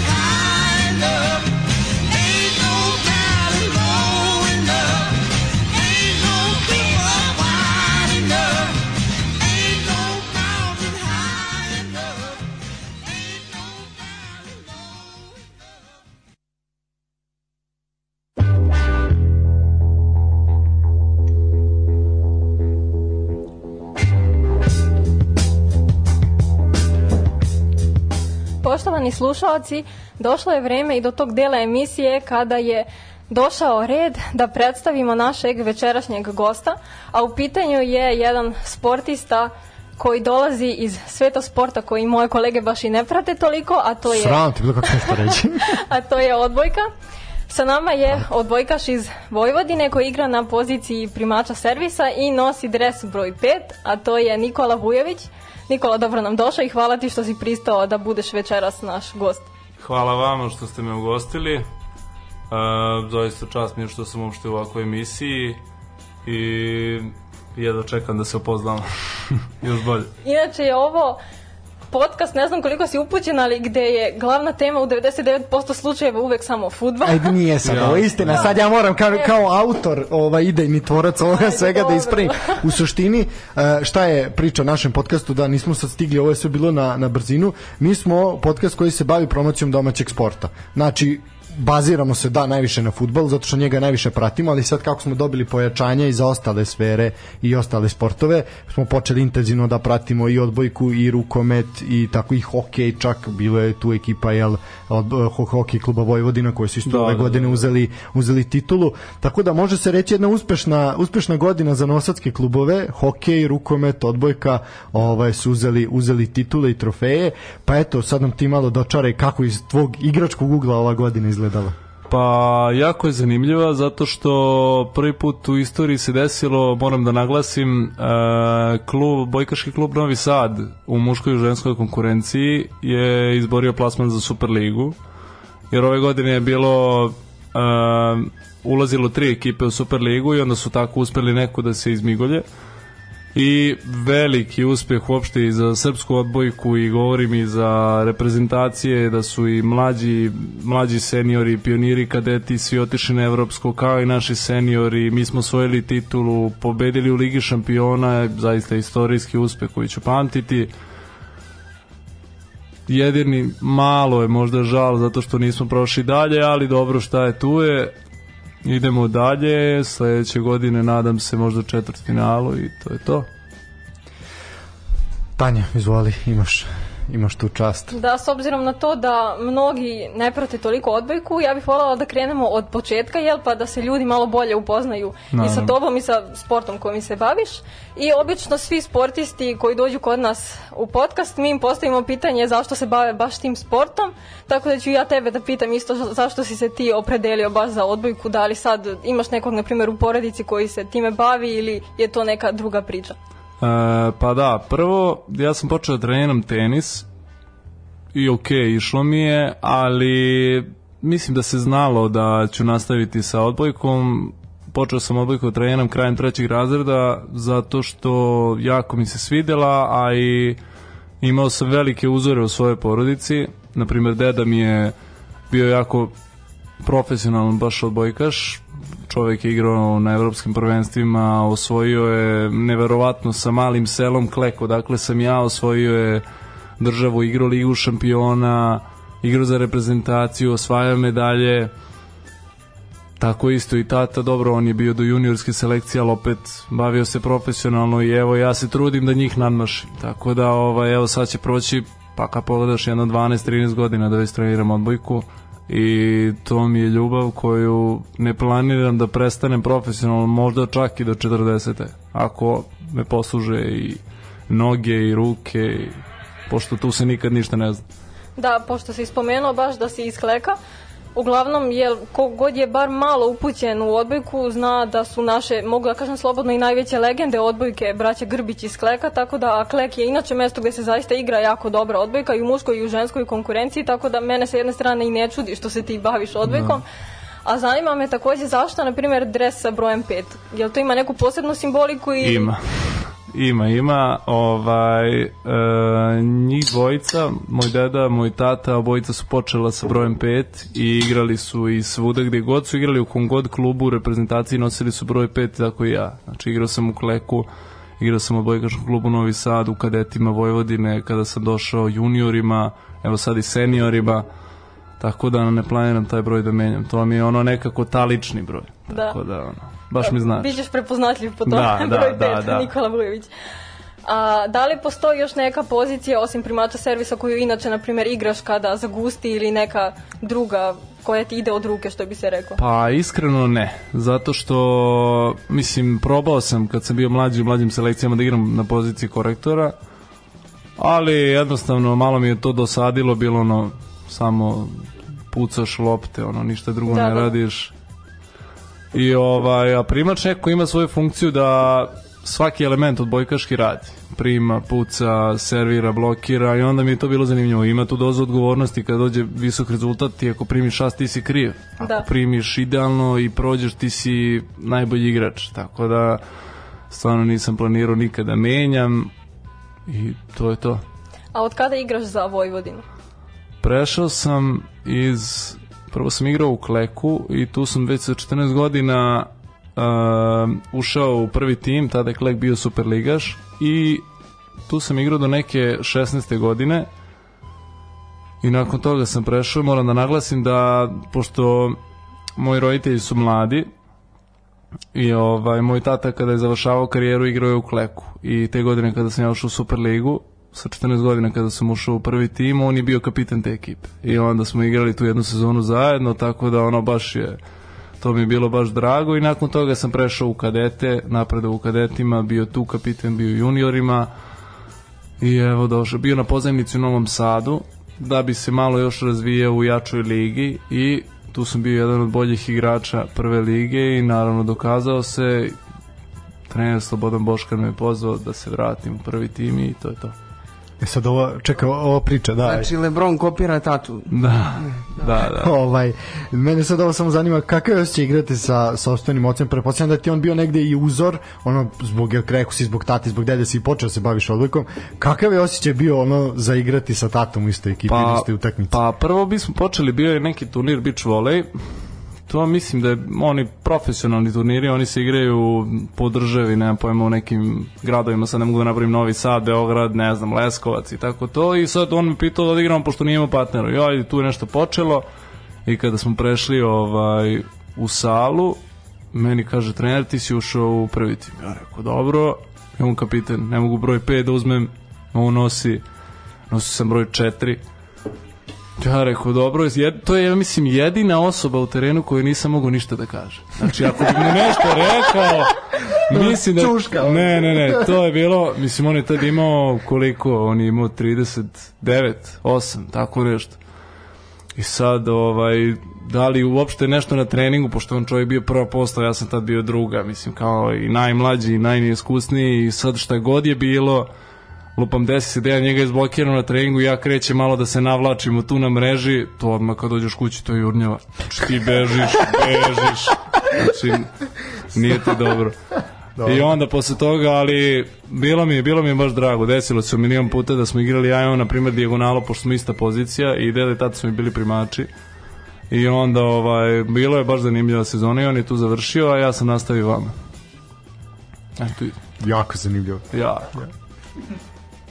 Još neko pitanje? Ne, ne, slobodno pitanje. Ovo je morao sam, morao sam prekinuti, to me jako zanimalo kako to izgleda. To je svima Da li, zanimljivo. pos- da li postoji, na primjer, još neki klub možda u Superligi ili generalno gde bi ti možda voleo da zaigraš u budućnosti? Pa iskreno, meni je cilj da posle Vojvodine idem preko da igram. Znači, jedini klub tu koji je možda, pa ajde, ne znam, Novi Sad je tu sad ušao u Superligu i to je isto dobra priča, ali ima naravno, ima sad, na primjer, Superliga je mnogo ojačala zato što povećan je budžet, svaka ekipa ima mnogo veći budžet, dovode se stranci, i neizvesno je, bukvalno prvih osam ekipa može svak svakog da pobedi. Tako da ono, ako bi neka ponuda meni bila zanimljiva, naravno da bi otišao, ali iskreno ja planiram kada završim sa Vojvodinom, kad mi istekne ugovor da idem preko, ako Bog da, ili možda i da ostanem ovde. Mislim, Vojvodina je jedini klub koji ima sve uslove, bukvalno, znači sve, baš, baš, znači što se tiče hrane, stanova, e, treninga, individualnih treninga, stručnog štaba, znači to je sve pre jedno pet godina, to je sve potkovao Dragoljub Zbiljić. On kada je došao na da vodi Vojvodinu, e, od tada je sve procvetalo. Vojvodina je dobila novi dom za igrače koji dolaze sa strane, dobila je redovnu ono ishranu, povećane su plate, po, mnogo igrača je odmah odjednom dobilo želju da igra. Da. I sponzori, išlo se na pripreme, išlo se na e, nije se ono stalno bilo u Novom Sadu, išlo se lupam u, ne znam, Bugarsku, u Grčku, u, ne znam, bilo, bili smo, prošle godine smo bili, na primjer, na Palama, što mi smo mislili kao biće dosadno, zapravo je bilo odlično, mislim, Kako ono, na palama da nema. Kako da bude dosadno. Znači, jeli smo, ali, ali bukvalno što kažu visinske pripreme. Znači, što se tiče planine i svega, ne bude ti dobro. Znači, imamo, imamo kondicionog trenera Aleksandra Ivančevića, on je bio pre, pre toga kondicioni zvezde košarkašima i on je profesionalni rvač bio. I onda, znači, kod njega to je, ne možeš, ne moraš, nemoj da se baviš sportom. Znači, bukvalno, on te nekako motiviše na taj način da ono još više i više radiš, tako da, ne, stvarno je sve sjajno, od, od od uprave, od e, stručnog štaba Slobodana Boškana, Dejana Volićevića, kondicioni, fizioterapeut, znači doktor, sve bukvalno, znači kao, ja ne znam, raj za odbojkaše u Novom Sadu. Da, nema bukvalno. zamerke. Pa ali upravo, upravo to što si rekao, znači uh, ja, mislim sad neko, ajde Tanja tu mnogo više prati, ali neko ko pravi, prati ovako ovlaš i mi ne vidimo bolje organizovan klub u Srbiji od Vojvodine. Ni nema, znači Pa, bukvalno to je... Samim tim ta tvoja želja, mislim sad objasnimo malo slušalcima pošto je pretpostavljam da isto tako kao i mi, ovaj su prosečni posmatrači, ovaj gled Da, pratioci da, da. odbojke. Uh, nema potrebe da mladi igrač odlazi iz Novog Sada u Zvezdu ili Partizan ili bilo koji drugi Spartak ili već koji god klub u Srbiji kad ovde imaju sve uslove i naravno da je ovaj odavde ono prac Italija ili Nemačka ili već neka, Pa da. neka ozbiljnija liga. Pa da. Znači, bukvalno, što se tiče ja ne znam, Vojvodine, ja kada sam dobio ponudu, dobio sam ponudu iz Zvezde, Partizana i Vojvodine, ali tu nije bilo uopšte razmišljanja, zato što ono, i tada još nisu bili u toj savršenoj situaciji, ali što se tiče mlađih selekcija, oni su uvijek najbolje radili, napravili tehničke igrače, sve. Tako da, evo, nekako mi se vratilo, ali nama mlađim igračima je najbitnije da ono napredujemo da bi otišli gore preko preko se zarađuju pare ovde se ovde se ovaj napreduje što se tiče toga Ovde kad uradiš, ti dodigraš do 30. 35. posle toga juriš novac, mislim, bukvalno što se tiče Pa dobro, to je tako, mislim, to je realnost, nema Da. šta, nije, nije sramota tražiti zaradu od onoga, jel? Naravno, Da. ovo je meni radiš? bukvalno posao, znači ja se ovome posvetio, pored toga ajde što idem na fakultet, I gde se stvarno dif. Pa Znači, gde se trudim, gde se trudim da bukvalno ono jedva stignem nešto. Pa evo sad ću da budem treća godina. Jako je teško da jednu i drugu stvar ukombinuješ u isto vreme, jer na primjer desi ti se trening, ti imaš ispit. Ne možeš da ideš na ispit jer ti, je, ti si došao zbog ovoga u Novi Sad. Znači, ne znam, ja meni je na primjer prvo odbojka, pa onda ovo nažalost. Što neki... Pa ne, okej, ni vidi, nije to nažalost, mislim, to je jasno, postavio si svoje prioritete, znači zna se šta je prioritet. Da. Prioritet je ovo nešto čega već si izgradio, da kažeš, dobrim delom svoju karijeru i ucrtao ne, neki put Naravno. sebi, nastavićeš tome. Fakultet se uvek može završiti. Pa naravno, da, ja tako idem mic po mic, pa ono da završim godinu, završim drugu. Tako je, tako je. Da, ovo je bila prozika na Lukićev račun koji je ovo Tako završio. je, da. tako je. da. Tako da ono trudim sad da ovaj nadam se da ću završiti ove dve godine i eto da ću dobiti tu diplomu pa da nastavim mislim ja svako sport, znači odbojka, bez toga ne mogu ni tren. Znači bukvalno da mi daš sad nedelju dana bez toga, znači kao da sam ja ne znam u Ovisnik. koroni tri Ovi- meseca, bukvalno, da. bukvalno, bukvalno. A pričat ćemo tu sad kad si spomenuo koronu, to imamo, imamo jako zanimljivih A, ja. ovaj, pitanja i svega. A ja predlažem, Tanja, može jedna pesma pa se vraćamo. Može, može. Može, ajde malo da uhvatimo, uhvatimo daha.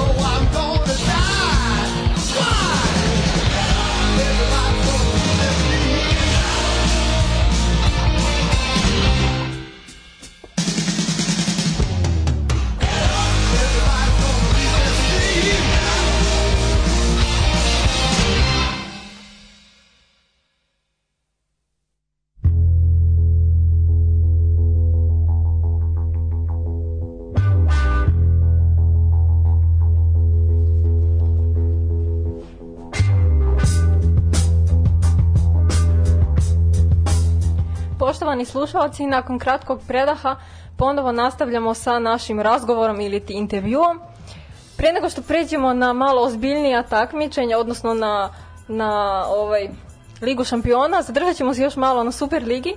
Ono što sam isto htjela da te pitam, da li, na primjer, postoji još neki superligaški klub koji ti se, na primjer, dopada kada se sastanete sa njima da igrate, pa, na primjer, da znaš da će biti dobra utakmica, da će biti baš onako vatreno i neizvesno? Iskreno da, jer ove godine mi smo se toliko nametali sa Partizanom i sa Suboticom.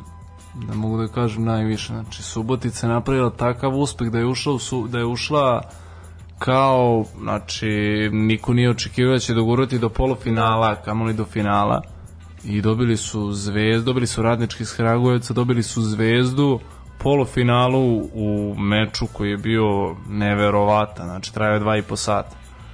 I desilo se to da mi igramo sa njima i oni imaju toliku energiju. Znači oni mi kad smo otešli u Suboticu u Dudovu šumu, oni su napravili toliku energiju, napravili takav spektakl što se tiče od publike, od navijača i pored naših firmaša što su dolazili da gledaju, u Subotici oni su nas jednom nadječali tako da mi nismo znali šta se dešava. Da. izgubili smo 3-0. Ali kada smo došli u Novi Sad, kada smo došli pred našom publikom, pred našim firmašima, uopšte ti nije sve jedno.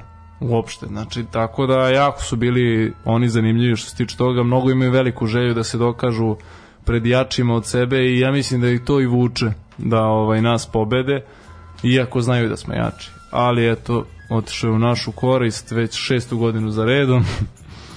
tako da to je to. Da, a kada je reč o Ligi šampiona, je, koliko si ti, je li tebi ovo prvi put bio da si igrao sa Vojvodinom Ligu šampiona ili si Da, kao i sada da. je prvi put bio? Da, I, da, da. I kakvi su utisci, ono, ideš u te velike države, u Rusiju i dobiješ Zenit sred Rusije i opet sa Berlinom isto te utakmice. Kakva je ta odbojka? Možeš da napraviš, na primjer, neku paralelu između njihove i naše odbojke? Da, da li ima neke velike razlike u kvalitetu igre? Pa, e, meni je ovo prvi put da, pošto sam prvi put u prvom timu Vojvodine, ovaj, bio mi prvi put da igram Ligu šampiona i to grupnu fazu. Vojvodina se godinama borila u kvalifikacijama i sada je prvi put imala grupnu fazu. Imaće sledeće godine, naravno. I to je jako zanimljivo, znači prvo sam želeo da vidim kako se igram, jako mi je bila zanimljiva grupa, iskreno očekivao sam Da. neku italijansku ekipu, ali dobro. E, nebitno sad, e, što se tiče Zenita, e, jako mi je bilo, na primjer, e, zanimljivo oni koliko uslova imaju, koliko, znači imaju po dve, tri hale u kojima treniraju ogroman budžet, znači to nisu, to je kao bukvalno svaka hala kao home bank arena. Da. Još smo igrali na zimu gde je ono bilo hladno i, ali oni to ne osete, oni su jednostavno stvarno su baš e, moćni, on, mislim nije ti svejedno kada vidiš čoveka od 2.10 koji ono igra odbojku u savršenom nivou sa savršenom tehnikom. Bukvalno imaš u ekipi reprezentativce koji su osvojili olimpijadu prošle godine pre dve, da, prošle godine. Ovaj, i naravno strance. Mi kad smo tamo otišli, još kad smo otišli bez tri igrača koji igraju postavu, mi smo rekli idemo, idemo da probamo, šta bude, bude i to je to. Znači dajemo sve od sebe, ne treba da gledamo na njih kao bogove, nego gledamo na njih kao da su, ja ne znam, ja sam lično gledao na njih kao neke drugoligaše, jer da tako nismo gledali, mi ne bi mogli da napravimo ovaj uspeh. Mi smo u tim u tim danima trenirali nas devetoro, bukvalno nismo mogli ni svi da napadamo, ni da treniramo kako treba, baš zbog broja igrača. I još smo tamo radili antigenski test. I kada smo došli na meč, mi rekao samo opušteno igramo. Puna hala, znači to je baš bilo neverovatno. Ono, to je inače hala u kojoj igraju košarkaši.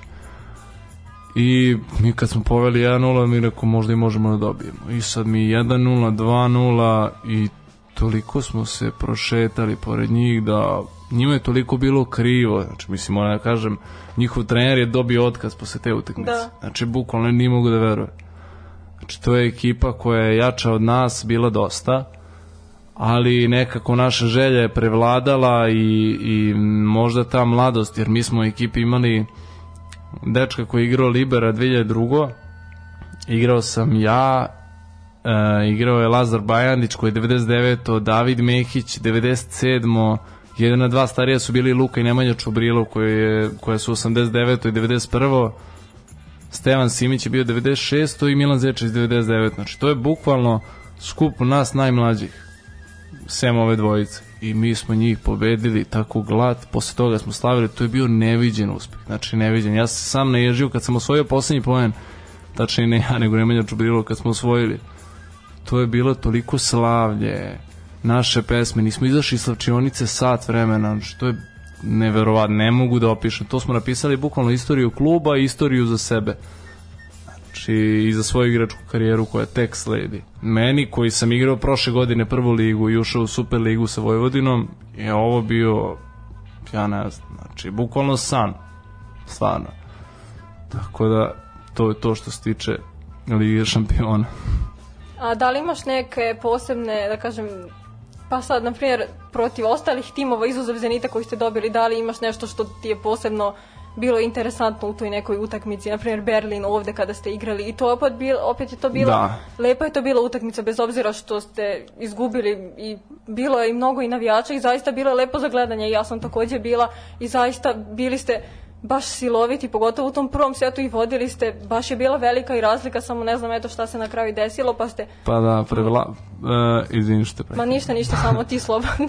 E, prevaljulo je neko bukvalno kod njih iskustvo, jer to su igrači koji igraju e, jače lige, igraju za reprezentaciju, ovde nas malo igra, mislim mi smo igrali većinom srpske lige, srpsku ligu, ovaj, prevagnulo je neko, neko iskustvo i neko strpljenje u tim momentima kada se najviše lomi. I, na primjer, isto smo imali šansu i kada smo bili u Berlinu, gde su gde hala igrači stvarno neverovatno.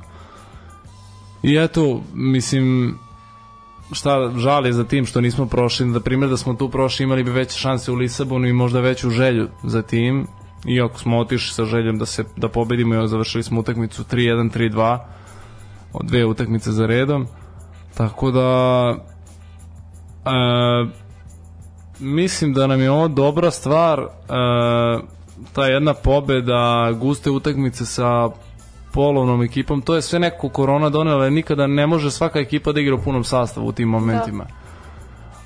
Ali da smo se nagledali gradova, jesmo, iskreno. Znači, San Peterburg je prelep, mi smo bili tamo 5 dana i kod njih zima nije uopšte toliko zima, kod njih i da je minus, ti možeš da šetaš napolju. Znaš, mislim, ono, baš je, baš je prijatno, onako. A što se tiče Lisabona, grad na moru, znači, Atlantski okean i tu pored, znači, baš je bilo prelepo i hotel i hrana i, znači, baš, baš je prelepo bilo i šte smo, da, Berlin. Berlin je isto mnogo, a, oni imaju jedino mnogo pravila. Mnogo pravila što se tiče korone, tu je baš bilo dosta ono mučenja što se tiče moraš jednu jedinu masku da nosiš koju oni zahtevaju, moraš svuda da nosiš napolju, tako da malo su hladniji ljudi od ostalih, Da. ali, ali dobro, mi smo se baš jednom sad sećam drugi, ja smo šetali e, u Lisabonu.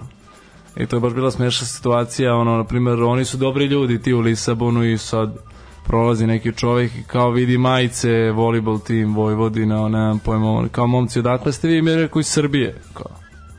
I on kao, iz Rusije, kao. I ja rekao, naš, kao, ja rekao, vidim, mislim, stvarno čovjek kao da se pravi bezobrazan, ali nije. Da. Ja rekao, ako se sećate, znaš kao na engleskom, rekao Mitrović kao gol glavom, kao, mislim, to je ovaj, i oni kao, kao, aha, kao, pazi se, kao, znaš, ja rekao, sve u redu. Sve u redu, mi smo otišli na sve. Da, da, da, tako da, ali ne, stvarno je bilo baš super. Znači, ne želim se, naputovao sam se, ja ne znam, bukvalno za godinu, koliko nisam za život. Da, to je svakako prednost, da kažem, bavljenja sportom je to što obiđeš svet, obiđeš mnogo država i gradova i vidiš svašta nešto. Da. Da, ali kad stalno, znaš kako, e, ako na primjer stalno sad i više od ovoga, na primjer, putuješ, ti ćeš većinom vidjeti najviše aerodroma i Da, sala u kojima da. igraš. Znaš, imaćeš možda da izvojiš dva sata po danu da vidiš nešto u tom Da, gradu a i to, to je to. ništa, da. To je ništa, da. I onda ti bude, meni je žao što ja nisam mogao ceo Lisabon da obiđem, ali dobro, opet mi nije žao jer smo igrali Ligu šampiona, igrali smo pred punom salom, stvarno je bilo sve super. Da, i sledeće godine naravno ćemo imati priliku da gledamo Vojvodinu Naravno. u Ligi šampiona. Šta je ono što vi nekako, mislim, pretpostavljam da kao i uvek idete kao ono najboljem, što bi se reklo, imate taj neki viso, imate visoke ciljeve koje želite da dostignete, ali šta je ono što ste, evo sad ste videli kako to sve funkcioniše, da li ima nešto što hoćete da popravite, na primjer u igri i nešto što želite da promenite? Pa da, e, što kaže naš trener, e, veoma veliki stručnjak Slobodan Boškan, e, on dosta toga zahteva na odbrani, što čovjek stvarno ima prava, jer odbrana je jedan od najbitnijih elemenata u odbojci bez toga se ne može. Da. I on zahteva od nas da pored ovakvih velikih ekipa, ako na primjer nisi toliko dobar u napadu, možeš bar da se braniš, pa da nekako izmigoljiš se, napraviš poen. I to je možda na čemu treba najviše da radimo. Ovo ostalo sve tu je, stoji prijem i naravno u svakom elementu može se napreduje, ali odbrana to je nekako da mogu da izdvojim. Znači odbrana bukvalno. Da li ti imaš neku utakmicu koju bi, na primjer, izdvojio da si je ti odigrao savršeno, na primjer? Mislim, ne možda savršeno, ali neku od boljih, što bi se reklo. Ili neku od loših. Pa, iskreno sad ne sećam se, ali mislim ne, ne postoji utakmica koju neko može da odigra savršeno. Možda se desi, to je jedan milion, ali bez greške da odigraš to, to, to, je, to ne postoji, mislim, bukvalno. Stvarno mogu da pa ne znam sad, mogu da izdvojim samo to što se tiče Zenita, malo da smo odigrali ono većinom skoro bez greške, ali bez, ne, nemoguće, baš nemoguće. To je odlično. Ja mislim da je to pravi stav u sportu pogotovo jer e, samo tako se može napredovati svakog dana i nakon svake utakmice kada ti uočiš svaki put neku grešku koju to. ne ponoviš sledeći put ili ponoviš Da. je tek nakon pet ili šest utakmica to je pravi stav po Pa meni to, da. po meni koji nisam profesionalni sportista ali dobro Ne, da, ali bez obzira bavili smo se svi sportom na različitim nivoima i različitim ovaj, rangovima takmičenja, ali tako je, znaš, ne treba ići ni u krajnost da sebe po, pokopavaš i da ono noćima ne spavaš posle greške neke ili nešto, ali treba shvatiti da ovde sam pogrešio zbog toga i toga, ako znaš zbog čega si pogrešio ili ako imaš trenera, kao što si sam napomenuo, koji će ti ukazati, e, znaš, tu si napravio grešku, nemoj to tako, uradi to na drugi način, idemo dalje. Pa da. To je to, mislim to je suština i poenta tako svega. je tako Bukvalno, jer ako ti na primjer napraviš, dođeš, napraviš jedan poen i ostalo se odradiš loše, a taj jedan poen je kao wow, a ovo što si odigrao loše, to kao, znaš, ne gledaš, mislim, u čemu je poenta. tako Znači, mi na je- futbol ovo malo Meni je, meni je, na primjer, draže, pošto igraš za ekipu i odbojka je timski sport, znači, i da ti uradiš nešto malo, a da je dobro, ti si pomogao svojoj ekipi, ti si odradio dobru stvar. Ako ti odradiš jedan poen, ostalo, odradi, od, ostalo odradiš loše, to je baš, mislim, ne treba se hvaliti tim stvarima. Tako da, eto. Da, mi ovaj Krišom, zašto sad nas dvojica smo malo prepustili ovaj terensku inicijativu, Tanji i Krišom pratimo ovaj dešavanja u hali Aleksandar Nikolić, ovaj, Partizan, Zvezda, Partizan, da, i Crvenu zvezdu, odnosno Crvenu zvezdu i Partizan. Ovaj i može se reći da tu je onako malo uzavrela atmosfera kako se na kraju krajeva i očekivalo. Elem ovaj trenutno je trenutno je poluvreme pa kad se vrate ovaj momci momci u igru onda ćemo onda ćemo dalje pričati. Svakako ovaj predno da rezultat naravno za, ima ovde ko navija za zvezdu pa ćemo reći da je 32 25 Ja navijam za Partizan, ako je 32 25 za Partizan. A imamo ko navija za Partizan. Ovaj elem Svi osim mene. Da, zapravo je trenutno je došlo do prekida uh, zato što je Kalinić pogodio Da, Bio je ajde. prekid. Bio je prekida, još uvek traje, ovaj zato što je Kalinić je Kako je? pogodio, šta je tu, daj ti sad tu bliži. Pa izgleda da je Kalinić ovaj, pogodio jednog od e, članova obezbeđenja flašicom iz nervoze, tako da vidjet ćemo šta će biti. Da, znači peti minut je, peti minut druge četvrtine, nije još ovaj poluvreme, ali su igrači bili povučeni u slačionice, pa se sad vraćaju. Sve u svemu da, cirkus i lakardija ove finalne serije Pa, se nastavlja. Klasika. Da, ele, ajmo mi pričati o lepšim stvarima. Tako Tanja, izvoli. je. Sad, do, dosta puta si spomenuo ovih 5-10 minuta Slobodana Boškana. Da li bi ti sebe, na primjer, mogao, ajde sad mladci, naravno, za nekih 20 godina, na primjer, da zamisliš da si i ti trener? Pa bi, iskreno to mi je i nekako cilj na neki način, mislim nikad ne znaš šta ćeš se baviti u životu kad završiš Da. karijeru, ali bio bi mi cilj baš da budem trener nekog e, većeg kluba sa velikom istorijom, pa eto možda bude i Vojvodina, Da. mislim ne znaš nikad, ali to je težak posao, jer ti treba na primjer kao trener da napraviš ekipu i stručni štab tako da odgovaraju svi zajedno. Na primjer, e, da budu, da budu svi kao jedno što se tiče, ako ovde fali nešto, ovde ćemo dopuniti sa nečim. Na primjer, ne znam, ali e, on treba da postavi kako će se igrati, e, na koji način ćemo igrati, kojom brzinom ćemo igrati, šta puca protivnik, šta radi protivnik, da nam ukaže na greške, ako treba i da se prodere na nas, da nas motiviše, mislim, to je jako težak posao i stresan. Iskreno, e, gore je kad si na klupi nego kad si u terenu, Da. u bitnim rezultatima. Majke mi, ja razumijem njega, ja mislim da bi on u momentima čovek uskočio, da on može da pomogne. Mislim, ipak je on bio olimpijac, ono, Da. čovek osvojio zlatnu medalju u Sidneju i ovaj, tako da razumem ga, ali voleo bi da osetim i taj stres i tu odgovornost, to mi je nekako cilj bio od malenata. A da li se, na primjer, dešavalo da te, ajde sad opet kažem, imaš, koliko imaš, 21, dve godine, Znate? ali opet e, igrati za Vojvodinu nije mala stvar. Da li ti se dešavalo, na primjer, da te na ulici prepoznaju, na primjer, neka deca ili navijači neki, pa da ti traže autogram ili sliku ili tako nešto? Jeste, jeste, jeste. E, Dešavalo mi se, obično imamo mi neku stranicu, neke devojčice vode fan klub. Ne znam šta je to. I ja stvarno ne mogu sve da prepoznam, vidim da dolaze na utakmice, ali ne mogu sve da prepoznam. I tako mi se desi nekad na ulici, što meni na početku bilo jako čudno. Na primjer, e, kao, čao, čao, jesi ti Nikola? Ja rekao, ja sam, je možda mi se molim te potiš na majicu. Ili tako, kada odemo, na primjer, na neke manifestacije, ne znam, ili mm, na primjer sad smo bili na nekoj sportskoj manifestaciji za decu i to je bilo neverovatno bukvalno kao da dođeš i ono svi ti dolaze može na kačket, može, može slika može ono mislim, meni je drago jer ono ja znam ja sam bio dete i kada bi me neko odbio od mojih idola ja bi se loše osjećao. Na primjer ja to ne bi mogu da da uradim na primjer deci. Znači uvijek bi se slikao Da. uvijek bi se ono šta god njima treba tu sam. Evo desilo se jednom bila neka nagradna igra uručili smo dres moj na primjer nekom nekom detetu što, što me voli. Meni je jako bilo drago, mislim, to se baš vidi u očima kad mu predaješ dres koliko mu je drago, koliko ti nekom postaješ uzor da hoće da se bavi odbojkom. Tako da, eto. Da li postoji neki uspeh koji si do sada postigao, da li sa klubom ili ovako, koji možeš da izdvojiš, da ti je posebno drag?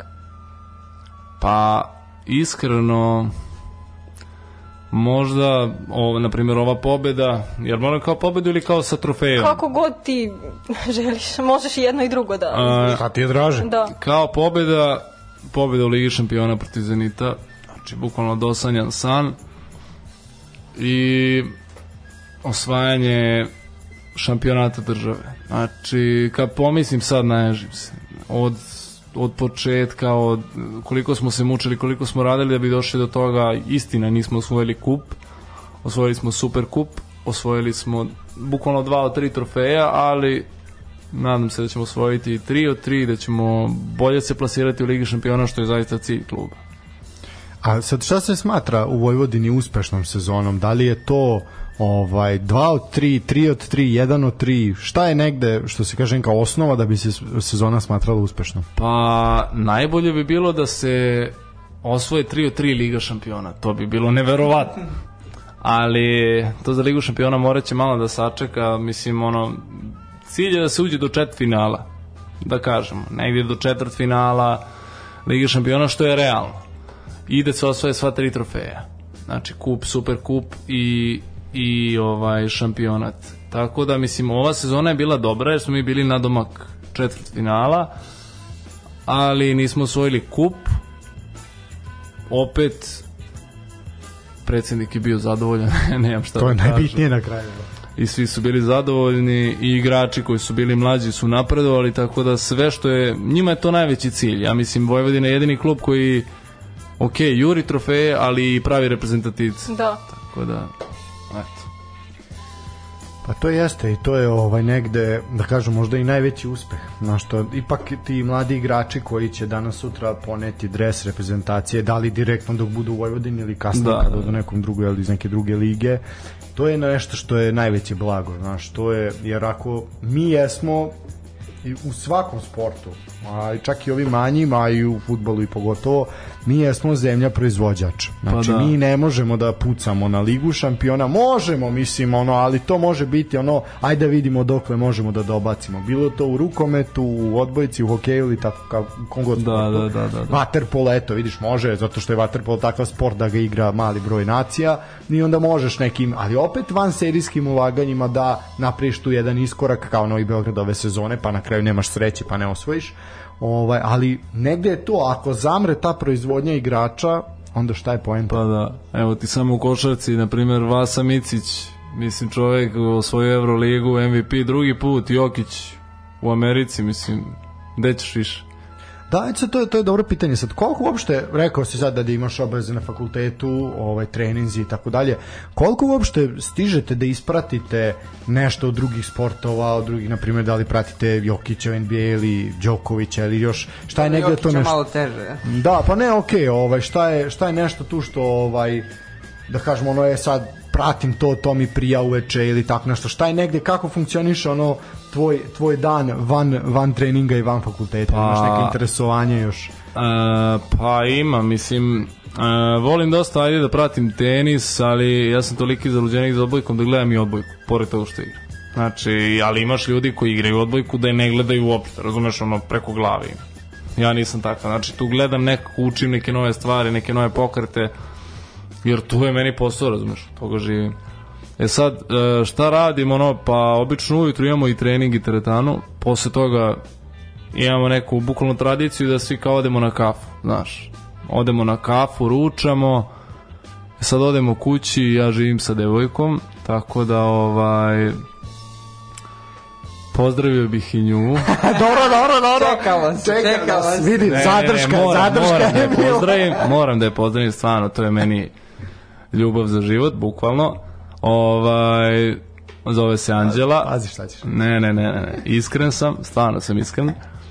I ovaj... ne kao neki dođe ovde pa Šakiru hvale. Da, da, da, da, bilo je toga, dobro. Ne, ne, ne, moram to da napomenem i ovaj i obično odmaram ovaj sa njom između treninga. Gledamo neki film, prošetamo se, odemo isto na kafu ili tako nešto. Ako je lepo vreme, sačekam drugi trening, onda ona ode na svoj, ja odem na svoj, oko pola šest, šest, završim trening, večeram, isto uveče malo odleškariš i tu negde ležem oko 11-12 i tako svaki dan. Znači vikendi su ti slobodni kada nema sezone. Kada ima sezone igraš subotom, nedelja ti slobodna. Znači tako, sad na primjer je pred kraj sezone još treniramo, ali vikendi su slobodni i to je to. A koliko su zapravo naporni treninzi? Šta je tu ono što nekako najviše crpi snagu? pripreme. znači, bukvalno ne moram da razmišljam. Pripreme su ono što najviše crpi snagu, uh, jer to je okej, dobri su mi sa kondicijom i to sve, ali nekako taj period ne treniraš pre toga mesec dana ili treniraš malo i onda te stignu upale, stignu te bolovi, ne daj Bože neke povrede i iskreno tih mesec dana priprema volao bi neko da mogu da preskočim, da budem spreman i da odmah dođem na, na, na, u salu. Da neko drugi uradi. Znači ja igram na primjer i beach volley pored toga. Tako da ono nekako sam u ritmu, ali opet nije to to. Kad te dohvati Aco Jovančević, stvarno to ne bude ti sve jedno. Ali bez toga se ne može. Ne može, ne može. E sad, Ne da, može. ne meže, da, što, moje pitanje vezi ovog beach voleja. Ovaj, kako vam bre nije mrsko po tom suncu da igrate? Pa nije, znaš, igrao sam ovaj, u mlađim selekcijama, sad igrao sam i u reprezentaciji, stvarno zanimljivo jer putuješ, tu ti je drugačije jer putuješ na egzotičnije ovaj, destinacije. Ti igraš bukvalno pored mora, ja sam igrao u Antaliji, aj dobro igrao sam u Rusiji, u Kazanju, ali opet možda je malo kao sport teži beach volley jer ti igraš na suncu i onda ako odeš u neke tropske zemlje to ti još gore. Znači mi kad smo otešli u Antaliju bilo je 46 na polju, 52 u pesku. Znači to je nenormalno. Ja, ja sećam treći set, padam u nesvest, nije mi dobro. I ovaj, a opet imaš negde gde je hladno, gde je vetar, gde je kiša, gde je ono bukvalno ne, m, sudije ne daju da se zaustavi meč. Znači, nego ti, ti igraš, na primjer, padala kiša, ne, ti igraš, moraš da igraš. Tako da ja mislim zbog tih nekih uslova biću volej šteta što nije više razvijeniji u Srbiji, zanimljiv je sport, nekako brži, igraš 2 na 2, tako da eto. A kakve ste uspehe ostvarili sa reprezentacijom u beach voleju? Pa i ne baš dobro. Ali dobro, mislim, tad smo bili mlađi i, i bukvalno ovde ti je kada pozovete neko da igraš beach volley za reprezentaciju, e, ne spremaš se ti cele godine kao neki, nego kao na primjer što imaju uslove u Grčkoj pa imaju sale sa peskom, gde greju, gde je ovo preko zime, mi nemamo to. Znači mi dođemo u tih dve, tri nedelje i spremimo se to što oni spremaju godinu dana. I onda ovaj odemo tamo igramo, bili smo jednom 17 i jednom 18. Mislim, bukvalno od 42 ekipe, ali opet teško je jako, baš je teško. Dobro, nije ni to loše. To je bolje od pola. Pa, Pa zavisi koliki su ti apetiti, jel? pa dobro, Da. ajde. Ko će igrat po vrućini? Ma daj bre, ne, to je zaista suludo, ono, znači... nije, baš je teško, baš je teško. A ne, pa Ne, kao- svaka čast, svaka mislim. Ju, Zamisli, samo dok on priča, a imamo osjećaj, no, tabani na vrelom pesku, Ne, to je znači... najgora stvar. Znači, mi smo se čeličili, morali smo, kad smo saznali da idemo u Antaliju, shvatili da je to ono neverovatno vruće. Mi smo morali da treniramo od 12 do 3. Znači, po najgorem suncu da bi se čeličili. Da, da, da. I ti posle toga ne osetiš, razumeš pesak. Znači, navikneš noge, razumeš, bukvalno ne osetiš da te peče. Ono, znači, butrneš. Kao oni fakiri, ono, krene Pa da to, po uglju, da... Bukvalno. I onda posle kad smo došli vamo bilo nam je malo lakše, ali i dalje nije to to. Ti ne možeš da diš od vrućine, znači to je... Sve šta ljudi sebi rade. A može sedi u kladionici, otvori pivu i igra tiket. Ali, ali, a, ali, vidiš. to, ali E. za to je Nikola Vujo. A pa dobro, tako je. Ja predlažem pauzu, može? Može. Ajde, Može. može. Slušamo... A, slušamo nešto iz naše bogate fonoteke.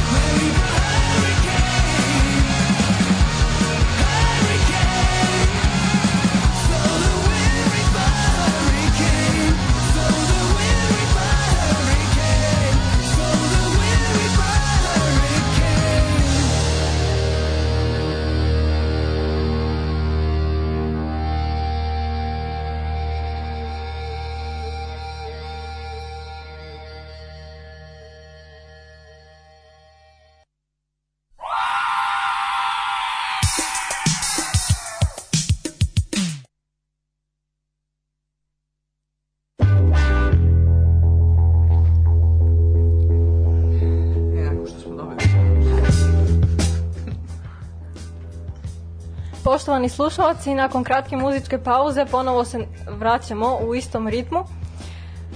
Kako smo sad spomenuli baš ovu odbojku na pesku i to nastupanje za reprezentaciju, ti si imao prilike da nastupaš za reprezentaciju samo u beach voleju. E, da, imao sam u Beach Leju, bio sam, na primjer, mene, mene su dosta godine a, zezale što se tiče tih stvari, jer e, neparna godina je uvijek išla u reprezentaciju.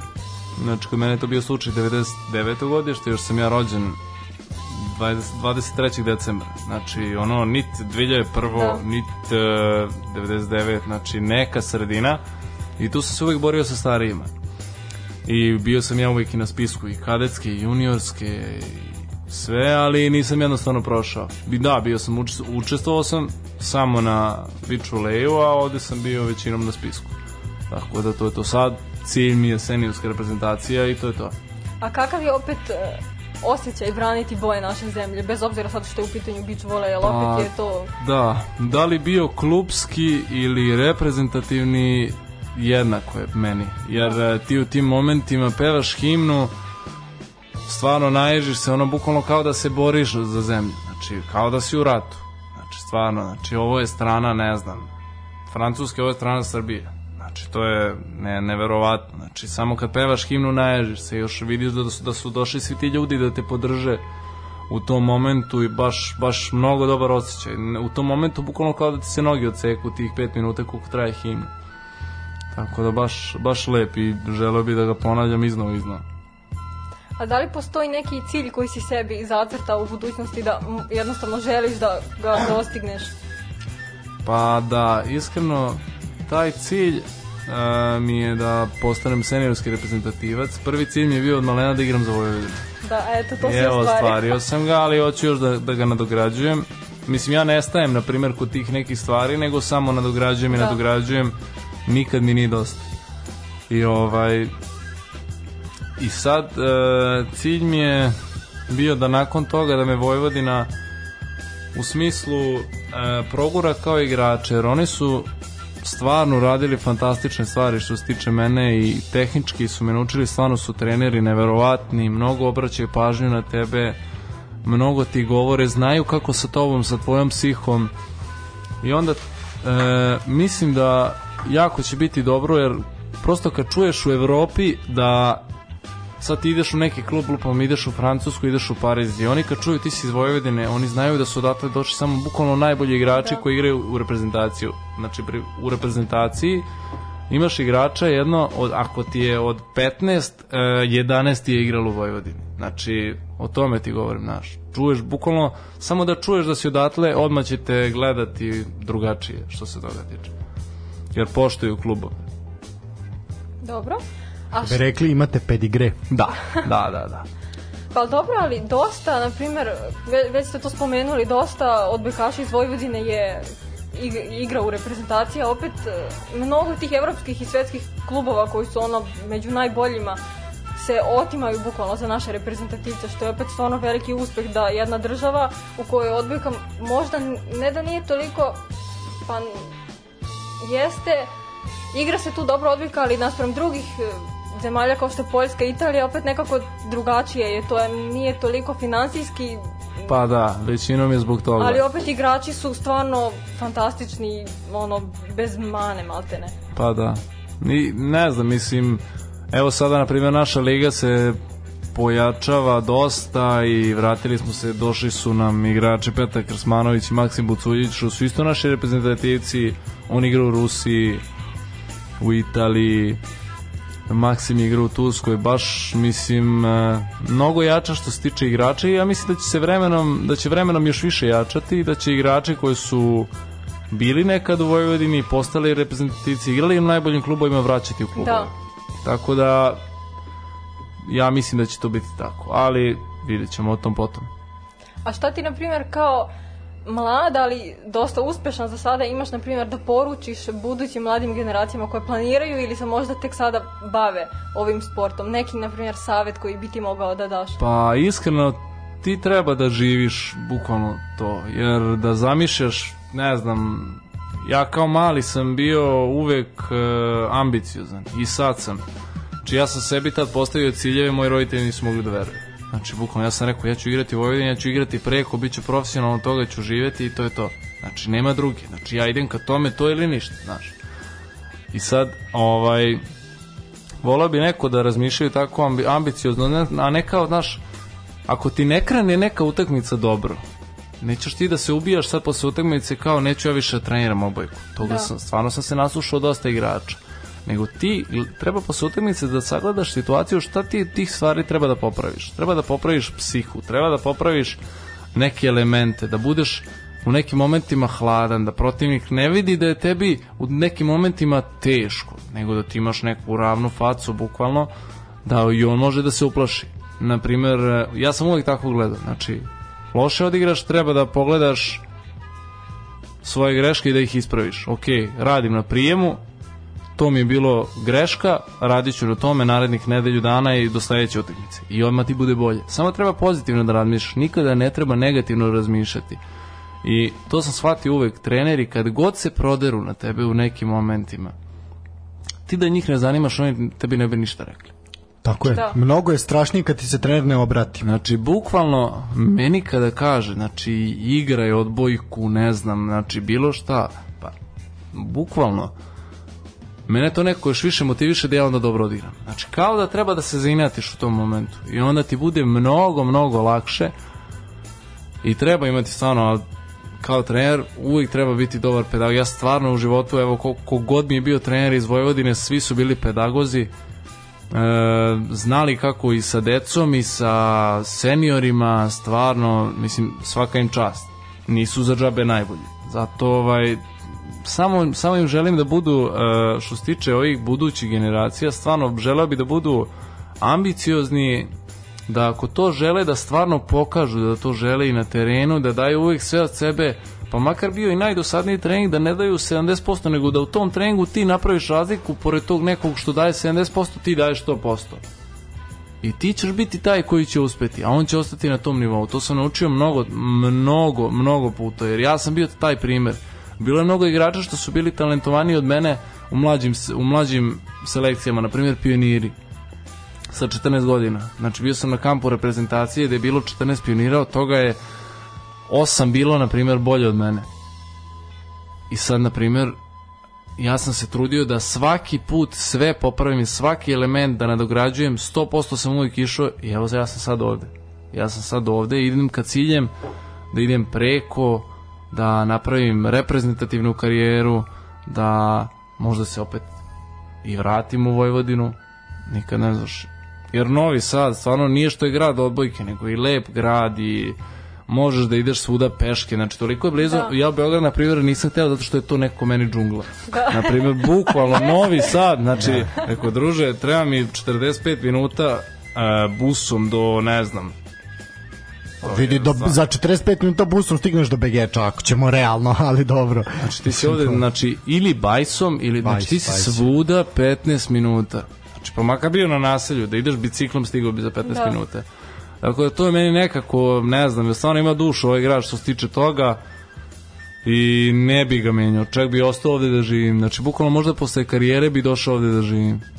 Jer to, mislim, stvarno ne želim da, mislim, cilj mi je da decu iškolujem u Srbiji, da ne bude ono, kad ih dobijem da ne bude ono sad, e, ne znam, šetam ih po Turskoj, sledeće godine u Francuskoj, Da, ovo, da, ono, da. nego da stacioniram tu i tu nastavim. Da, ja se definitivno slažem da je Novi Sad najlepši grad i stvarno ima puno mogućnosti, zaista. Pa da. Kako volim ovaj lokal patriotizam, pa to je strašno.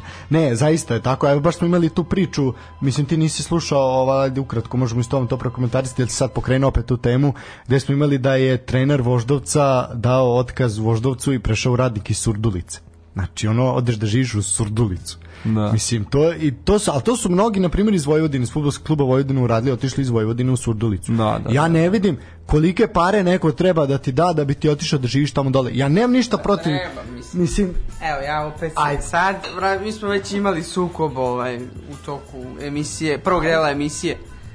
Svako ima svoje razloge. Ama ja ne kažem da recimo. nema razloga, Pa ti, čoveče, sad ti kad bi rekao nekom iz Surdulice, koliko para ti treba da odeš živiš u futog, razumeš? I da povijaš decu. Pa lepše je živjeti u da fotografu. povijaš decu listom kupusa, šta bi ti ovaj rekao iz Surdulice? Nema ti. Pa pa oni nemaju ni to. Šta, kupus? Pa da. Pa šta će? Pa sarma jebi ga. ka- Brate, u Surdulici ima sigurno što bolje da se jede od kupusa. Moj ti sarma je ozbiljna stvar. E, Ovaj, aj puš čovjeka do Ne. godine, ovdje o sarmi pričamo, aj. to samo pokazuje dokle smo došli. O, ne, vidi, znači ja zaista ne vidim, znači, pored Novog Sada koji je stvarno le, lep za život, ovaj, koji eto, radi se, gradi se, bit će još lepši, još ovaj, funkcionalniji, koliko to može biti, ovaj, i onda tako, naš, ne shvatam te neke odluke, znaš, odem da živim u Surdulicu, odem da živim u Lazarevac, ono, Ne kažem ja sad da su to ružna mesta za život, ja to nisam rekao, ali po meni je ovde lepše, a sad možda ja grešim. Ja sam poentirao. ti dečko nisi poentirao, de, ovaj čovjek poentira ovde prek puta nas, a ti, što ti ženu nisi pozdravio, on je pozdravio. Ja moj pozdravljam svaku emisiju. I Evo i večeras Nataša pozdrav za tebe. Viš kako je promenio glas odmah. Aj, Tanja, izvoli, dosta smo mi ukrali show. Pa, jel imate vi neko pametno pitanje osim što lupa A ne, ne, vidi, ušli smo u ovaj treći kobni sat emisije, njega smo načeli i tu već koncentracija je otišla u kanal, da. Samo pitanje o sarmi mogu. da, sad trenutno samo se sarma, meni dalje sarma. Evo pitanje za profesionalnog sportistu. Koliko sarmi možeš da pojedeš? Koliko smeš? Vidi, uh, ja jako puno jedem. Znači, to se ne vidi na meni, ali ja jako E, to je, ovo to, je, to je sad dobro E, pitanje. Sad mi smo malo ishrani, Da, to nas zanima jer imali smo na primjer ovde imali smo hokejaša, imali smo fudbalera, imali smo uh, košarkaša, imali smo sudiju, nekoliko njih. Ovaj ovaj što sedi ovde pored, nije uspeo ko sudija pa sad radi s nama. Ovaj imali smo devojke koje se bave planinarenjem.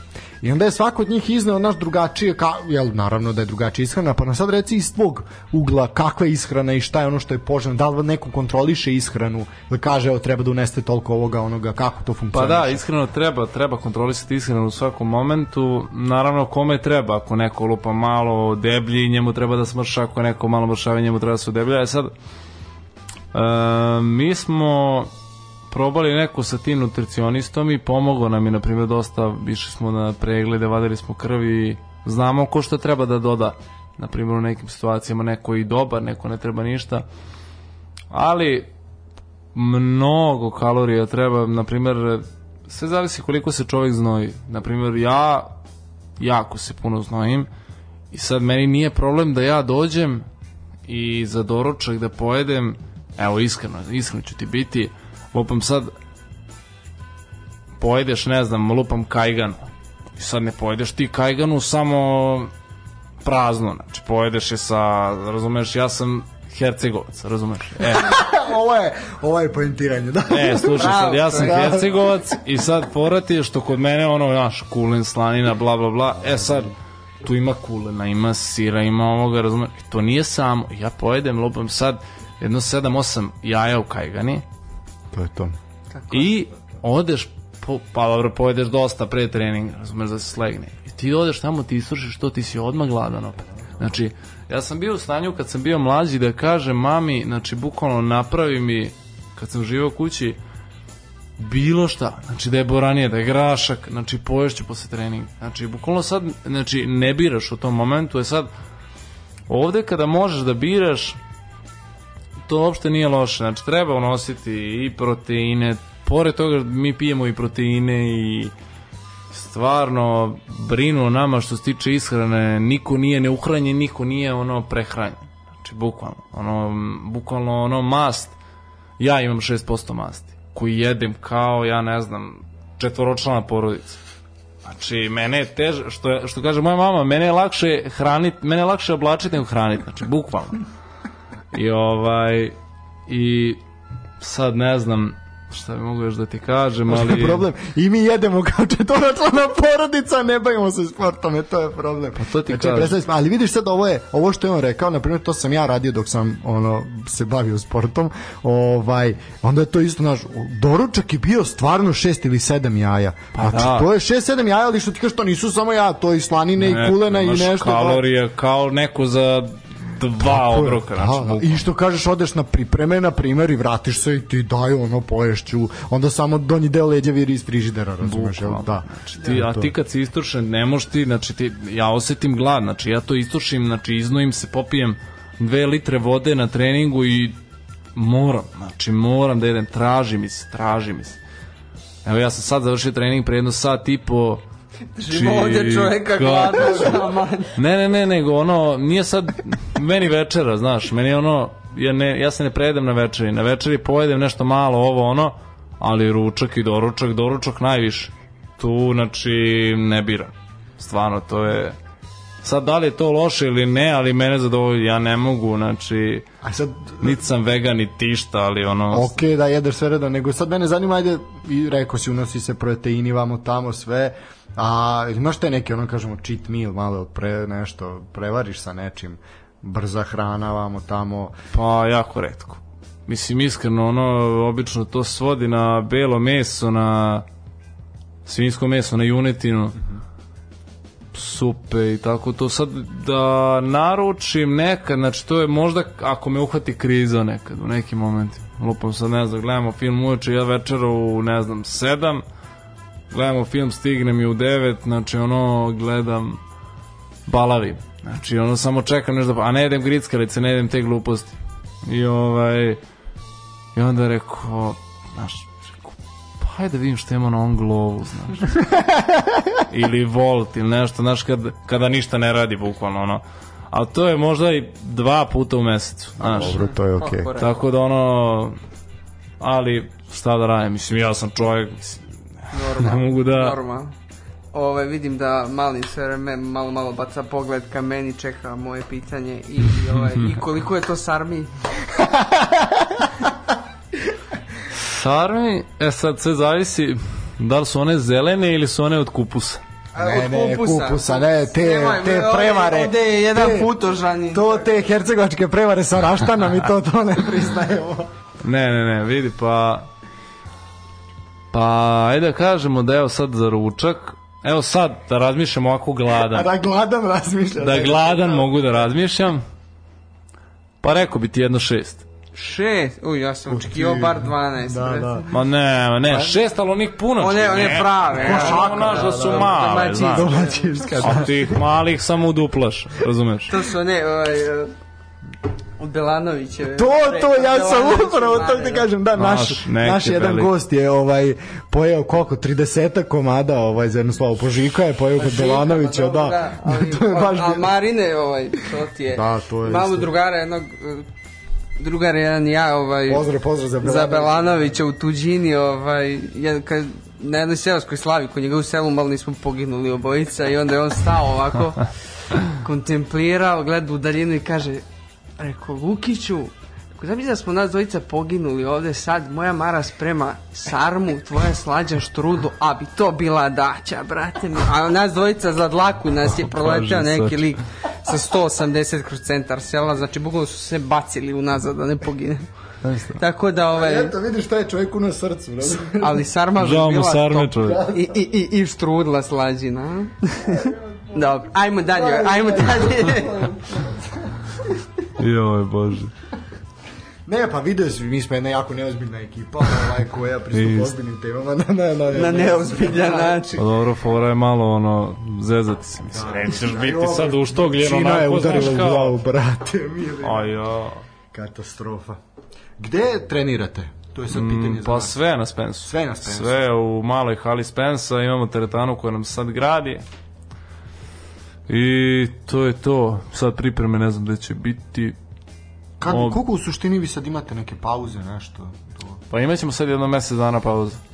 Mesec, mesec, možda mesec i deset dana, a u to vreme ono, bukvalno igraću malo beach vole, ono, ja uvijek sačekam, ono, odem u klek, lupam sad i sačekam, ono, 6 sati, onda odem, igramo beach, znaš, po jedno 4 sata. Ali moram sad, znači nisam bio, bio sam ja na moru ovako sa reprezentacijom i to, to druže, ne vidiš ništa. Nisam bio sedam godina na moru ovako da se odmorim, znači sad idem, jedva čekam da odem, ovaj, baš ono malo da se odmorim i od svega i noge da odmorim i mozak, što kažu mozak na pašu. Početkom jula. Tako da. Zasluženo, apsolutno. Moram. Imali ste, imali ste zaista ozbiljnu, ozbiljnu sezonu i morate Da. se dobro i odmoriti. ja i moje drage. Ne, vrlo pametno i taktičko tome pristupa, zaista svaka čast ne može se od njega. Da, mene gledaš, ja sam s mojom išao u Tursku prošle godine. E, ja idem u Tursku. E, pa eto vidiš. A ne moramo, A gde si išao? U Kušadasi ne igram ja za Vojvodinu. Pa ne, ne, ne. Ako ideš u Tursku, nemoj busom ko boga tu, Ne. a neće, hvala Ne Bogu. idem, ne idem, idem ovaj, u Alanju. Katastrofa. Jak, jak strašno. Ovaj, da, mi smo imali taj moment ovde da je jedan momak isto bio gost i on je kao isto tako naš pozdravlja svoju dragu i kao eto bio je sa njom ovaj na vikendu u Rimu, kao eto za novu godinu časti romantični vikend u Rimu. I mene je bilo čudno što on to priča, a on ide u, ide u novembru, razumeš, u, u Rim. I ja rekao, kako to novogodišnje putovanje ono 5. novembra? Pa on kao, ma čuti kao, znaš, to je tako bilo pa, aranžman bio. Kad sam vratio se jedan skonto da on išao da, u Rim da bi gledao Lazio i Juventus. I ja rekao, a znam da devojka ne prati. I on kao, Pa šta je ona radila za to? Pa ništa, sedela u hotelu, kaže, to je bio romantični vikend, ja sam otišao, otišao da gledam, ona je uživala u Rimu, pa rekao, Tako to da, je to. Ti nemoj, Nemoj tvoju- tako, samo tvoju nemoj tako. Tursku, nemoj. Ne, ne, ne, ne, ne, ne. Mi smo iz dva različita sveta što se tiče sporta, tako da ono, ona je balerina, ja sam odbojkaš, tako da Znači, graciozni ste oba. graciozni, da, da. Dobro, lepo, lepo zaista. Pa da. Tanja, imaš još nešto pametno mi, posle ja, nas dvojice? ja sam se istrošila sa pitanjima, ne znam šta bih više mogla. Pa ja bih onda, ja bih polako ovaj, završao s obzirom da je 9.20, a Kupek treba da uleti uskoro.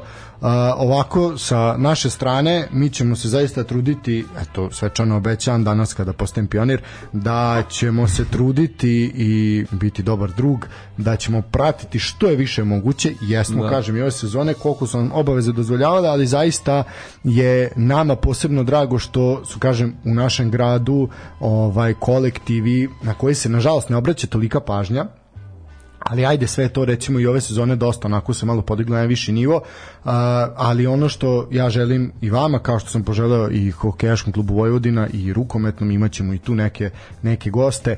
Ovaj, zaista puno sreće u narednoj sezoni. Prvo se dobro odmori, to je najbitnije. Da. dobro se odmori, lepo se provedi na godišnjem zasluženom, a onda puno sreće u novoj sezoni i ono što ja negde mislim da je najlepša želja od strane mene, tu smatram i Lukića i sve, Tanja će dati svoj sud na kraju, ovaj, da se to ono što je malo zafalilo nekog iskustva, a mislim da je najviše zafalilo iskustva u tom meču protiv Berlina, da to sad negde sledeće godine se vrati malo i sportske sreće i da preskočite tu lestvicu, eto, da kažemo, Grupne faze, da. da, preskočite grupnu fazu i odete, odete dalje u Ligi šampiona, mislim da je to bio zaista jedan jako, jako lep uspeh i nešto zašta ovaj grad živi, jer jeste Novi Sad je grad odbojke.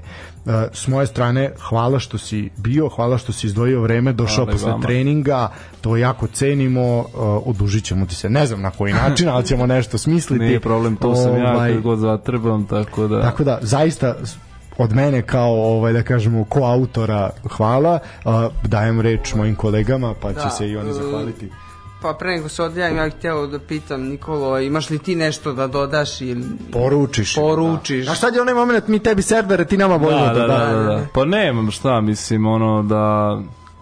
Ne, ovde je meni, na primjer, stvarno bilo divno i što se tiče pitanja i svega i stvarno hvala vam na pozivu ovaj, a, a kad god vam uvijek bude trebalo, tu sam. E,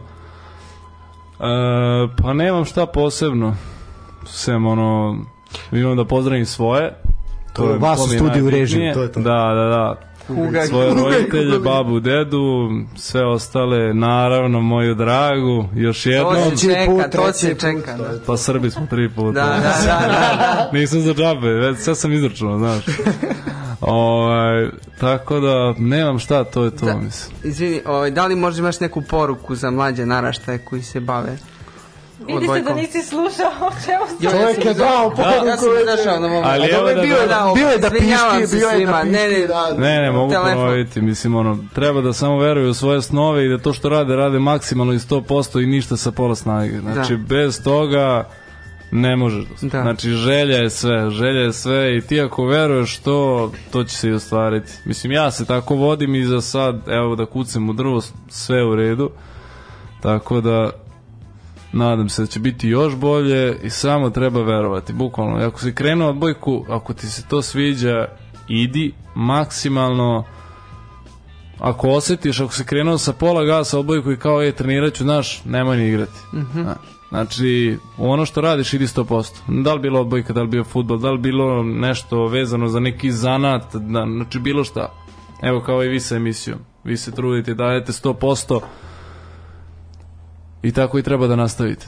Eto, mladići i devojke, mojom ovaj oduzetošću, jel, dok sam otišao sjajno na telefon, čuli ste ovu poruku dva puta. Tako je. Da, Ja da, bih, Mladići borovi devojke jele. da, ja bih se, ovaj, ja bih se zahvalio našem gostu zbog eh, toga što je izdvojio svoje vreme Ne, i zaista. došao ovde da nas počasti svojim prisustvom i svojim Mislim, kad se obogatimo, da ovdje ćemo ti platiti. Ja sad, da, sad. I, ovaj, se, čućemo I želim mu, želim mu svaki uspeh u nastavku karijere i samo da, da nastavi da nadograđuje ovaj, eh, ove uspehe koje je do sada postigao, posebno izdvajam ove iz ove prethodne sezone. Hvala, Tako da, hvala. hvala ti što si bio i, Hvala i nadam vama. se da se vidimo opet. Da, ovaj, zaista uh, moram pohvaliti ovo što je i Marko rekao, zaista jedan jako ispravan i pozitivan stav i mislim da tako treba i tako kao što razmišljaš, to je zaista ispravan način, jer zaista smo se svega i ovde naslušali, a i kroz, kroz život da ono ljudi ili gledaju sa neke previše pozitivne strane ili sa previše negativne, mislim da zaista onako si sa obe noge na zemlji, osim kad skočiš u blok, a sad će se Tanja, Tanja po, ovaj, odjaviti jeli, emisiju i tebi zahvaliti toliko od nas. Dobro, ja ću naravno da se pridružim njima i da ti poželim sve najbolje i da se ostvariš na svim mogućim tim platformama, jel sve ono što si zamislio da budeš i reprezentativac ako Hvala. Bog da i da sa Vojvodinom imaš što više uspeha i da uspeš naravno i da od, prođeš dalje i da se ostvari što je više moguće, tako da ja ti se zahvaljujem što si bio večeras tu sa nama i meni Hvala je bilo tebi. zadovoljstvo da eto upoznam nekog odbojkaša iz Vojvodina, jako pratim odbojku i stvarno mi je zadovoljstvo i naš poziv je naravno otvoren i svim ostalim igračima, ti prenesi naravno i drugim ako neko Hoće. ima želju, volju da dođe da isto popriča malo sa nama ovdje. Možda tako bude da- zainteresovan E i pa da. možda bude, tako da sve, sve u svemu, sve najbolje ti želim i hvala ti, stvarno bilo mi je zadovoljstvo. Hvala i tebi na divnim pitanjima i stvarno hvala svima uopšte još jednom na pozivu.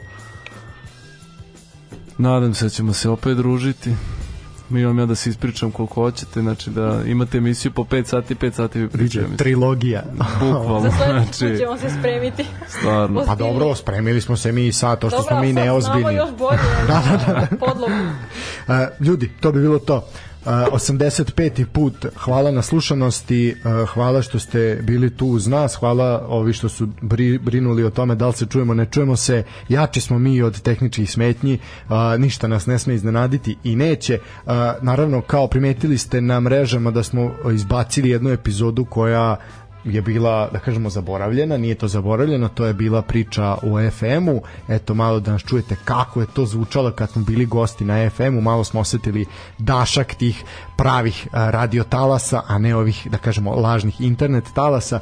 Sve o svemu, ljudi, hvala vam. Ako želite da nas podržite, još uvek je, što bi rekli, mlad mesec, nisu stigli računi, Paypal, Patreon, sportski pozdrav ili račun Erste banci ili bilo kakve donacije u naturi, sve primamo, vidi ste Lukić sedi na gajbi, prazno i do duše, ajde je malo dopunimo makar, tako da ovaj, hvala Heinekenu svakako koji je jedan od sponzora, ovaj, ova gajba na kojom sedeo. Nije Heineken, ali to je već nešto drugo, druga je neka priča, sve u svemu ljudi, dosta je od nas, zaista smo probili sve maksimalne termine, uživajte, laku noć i do narednog slušanja.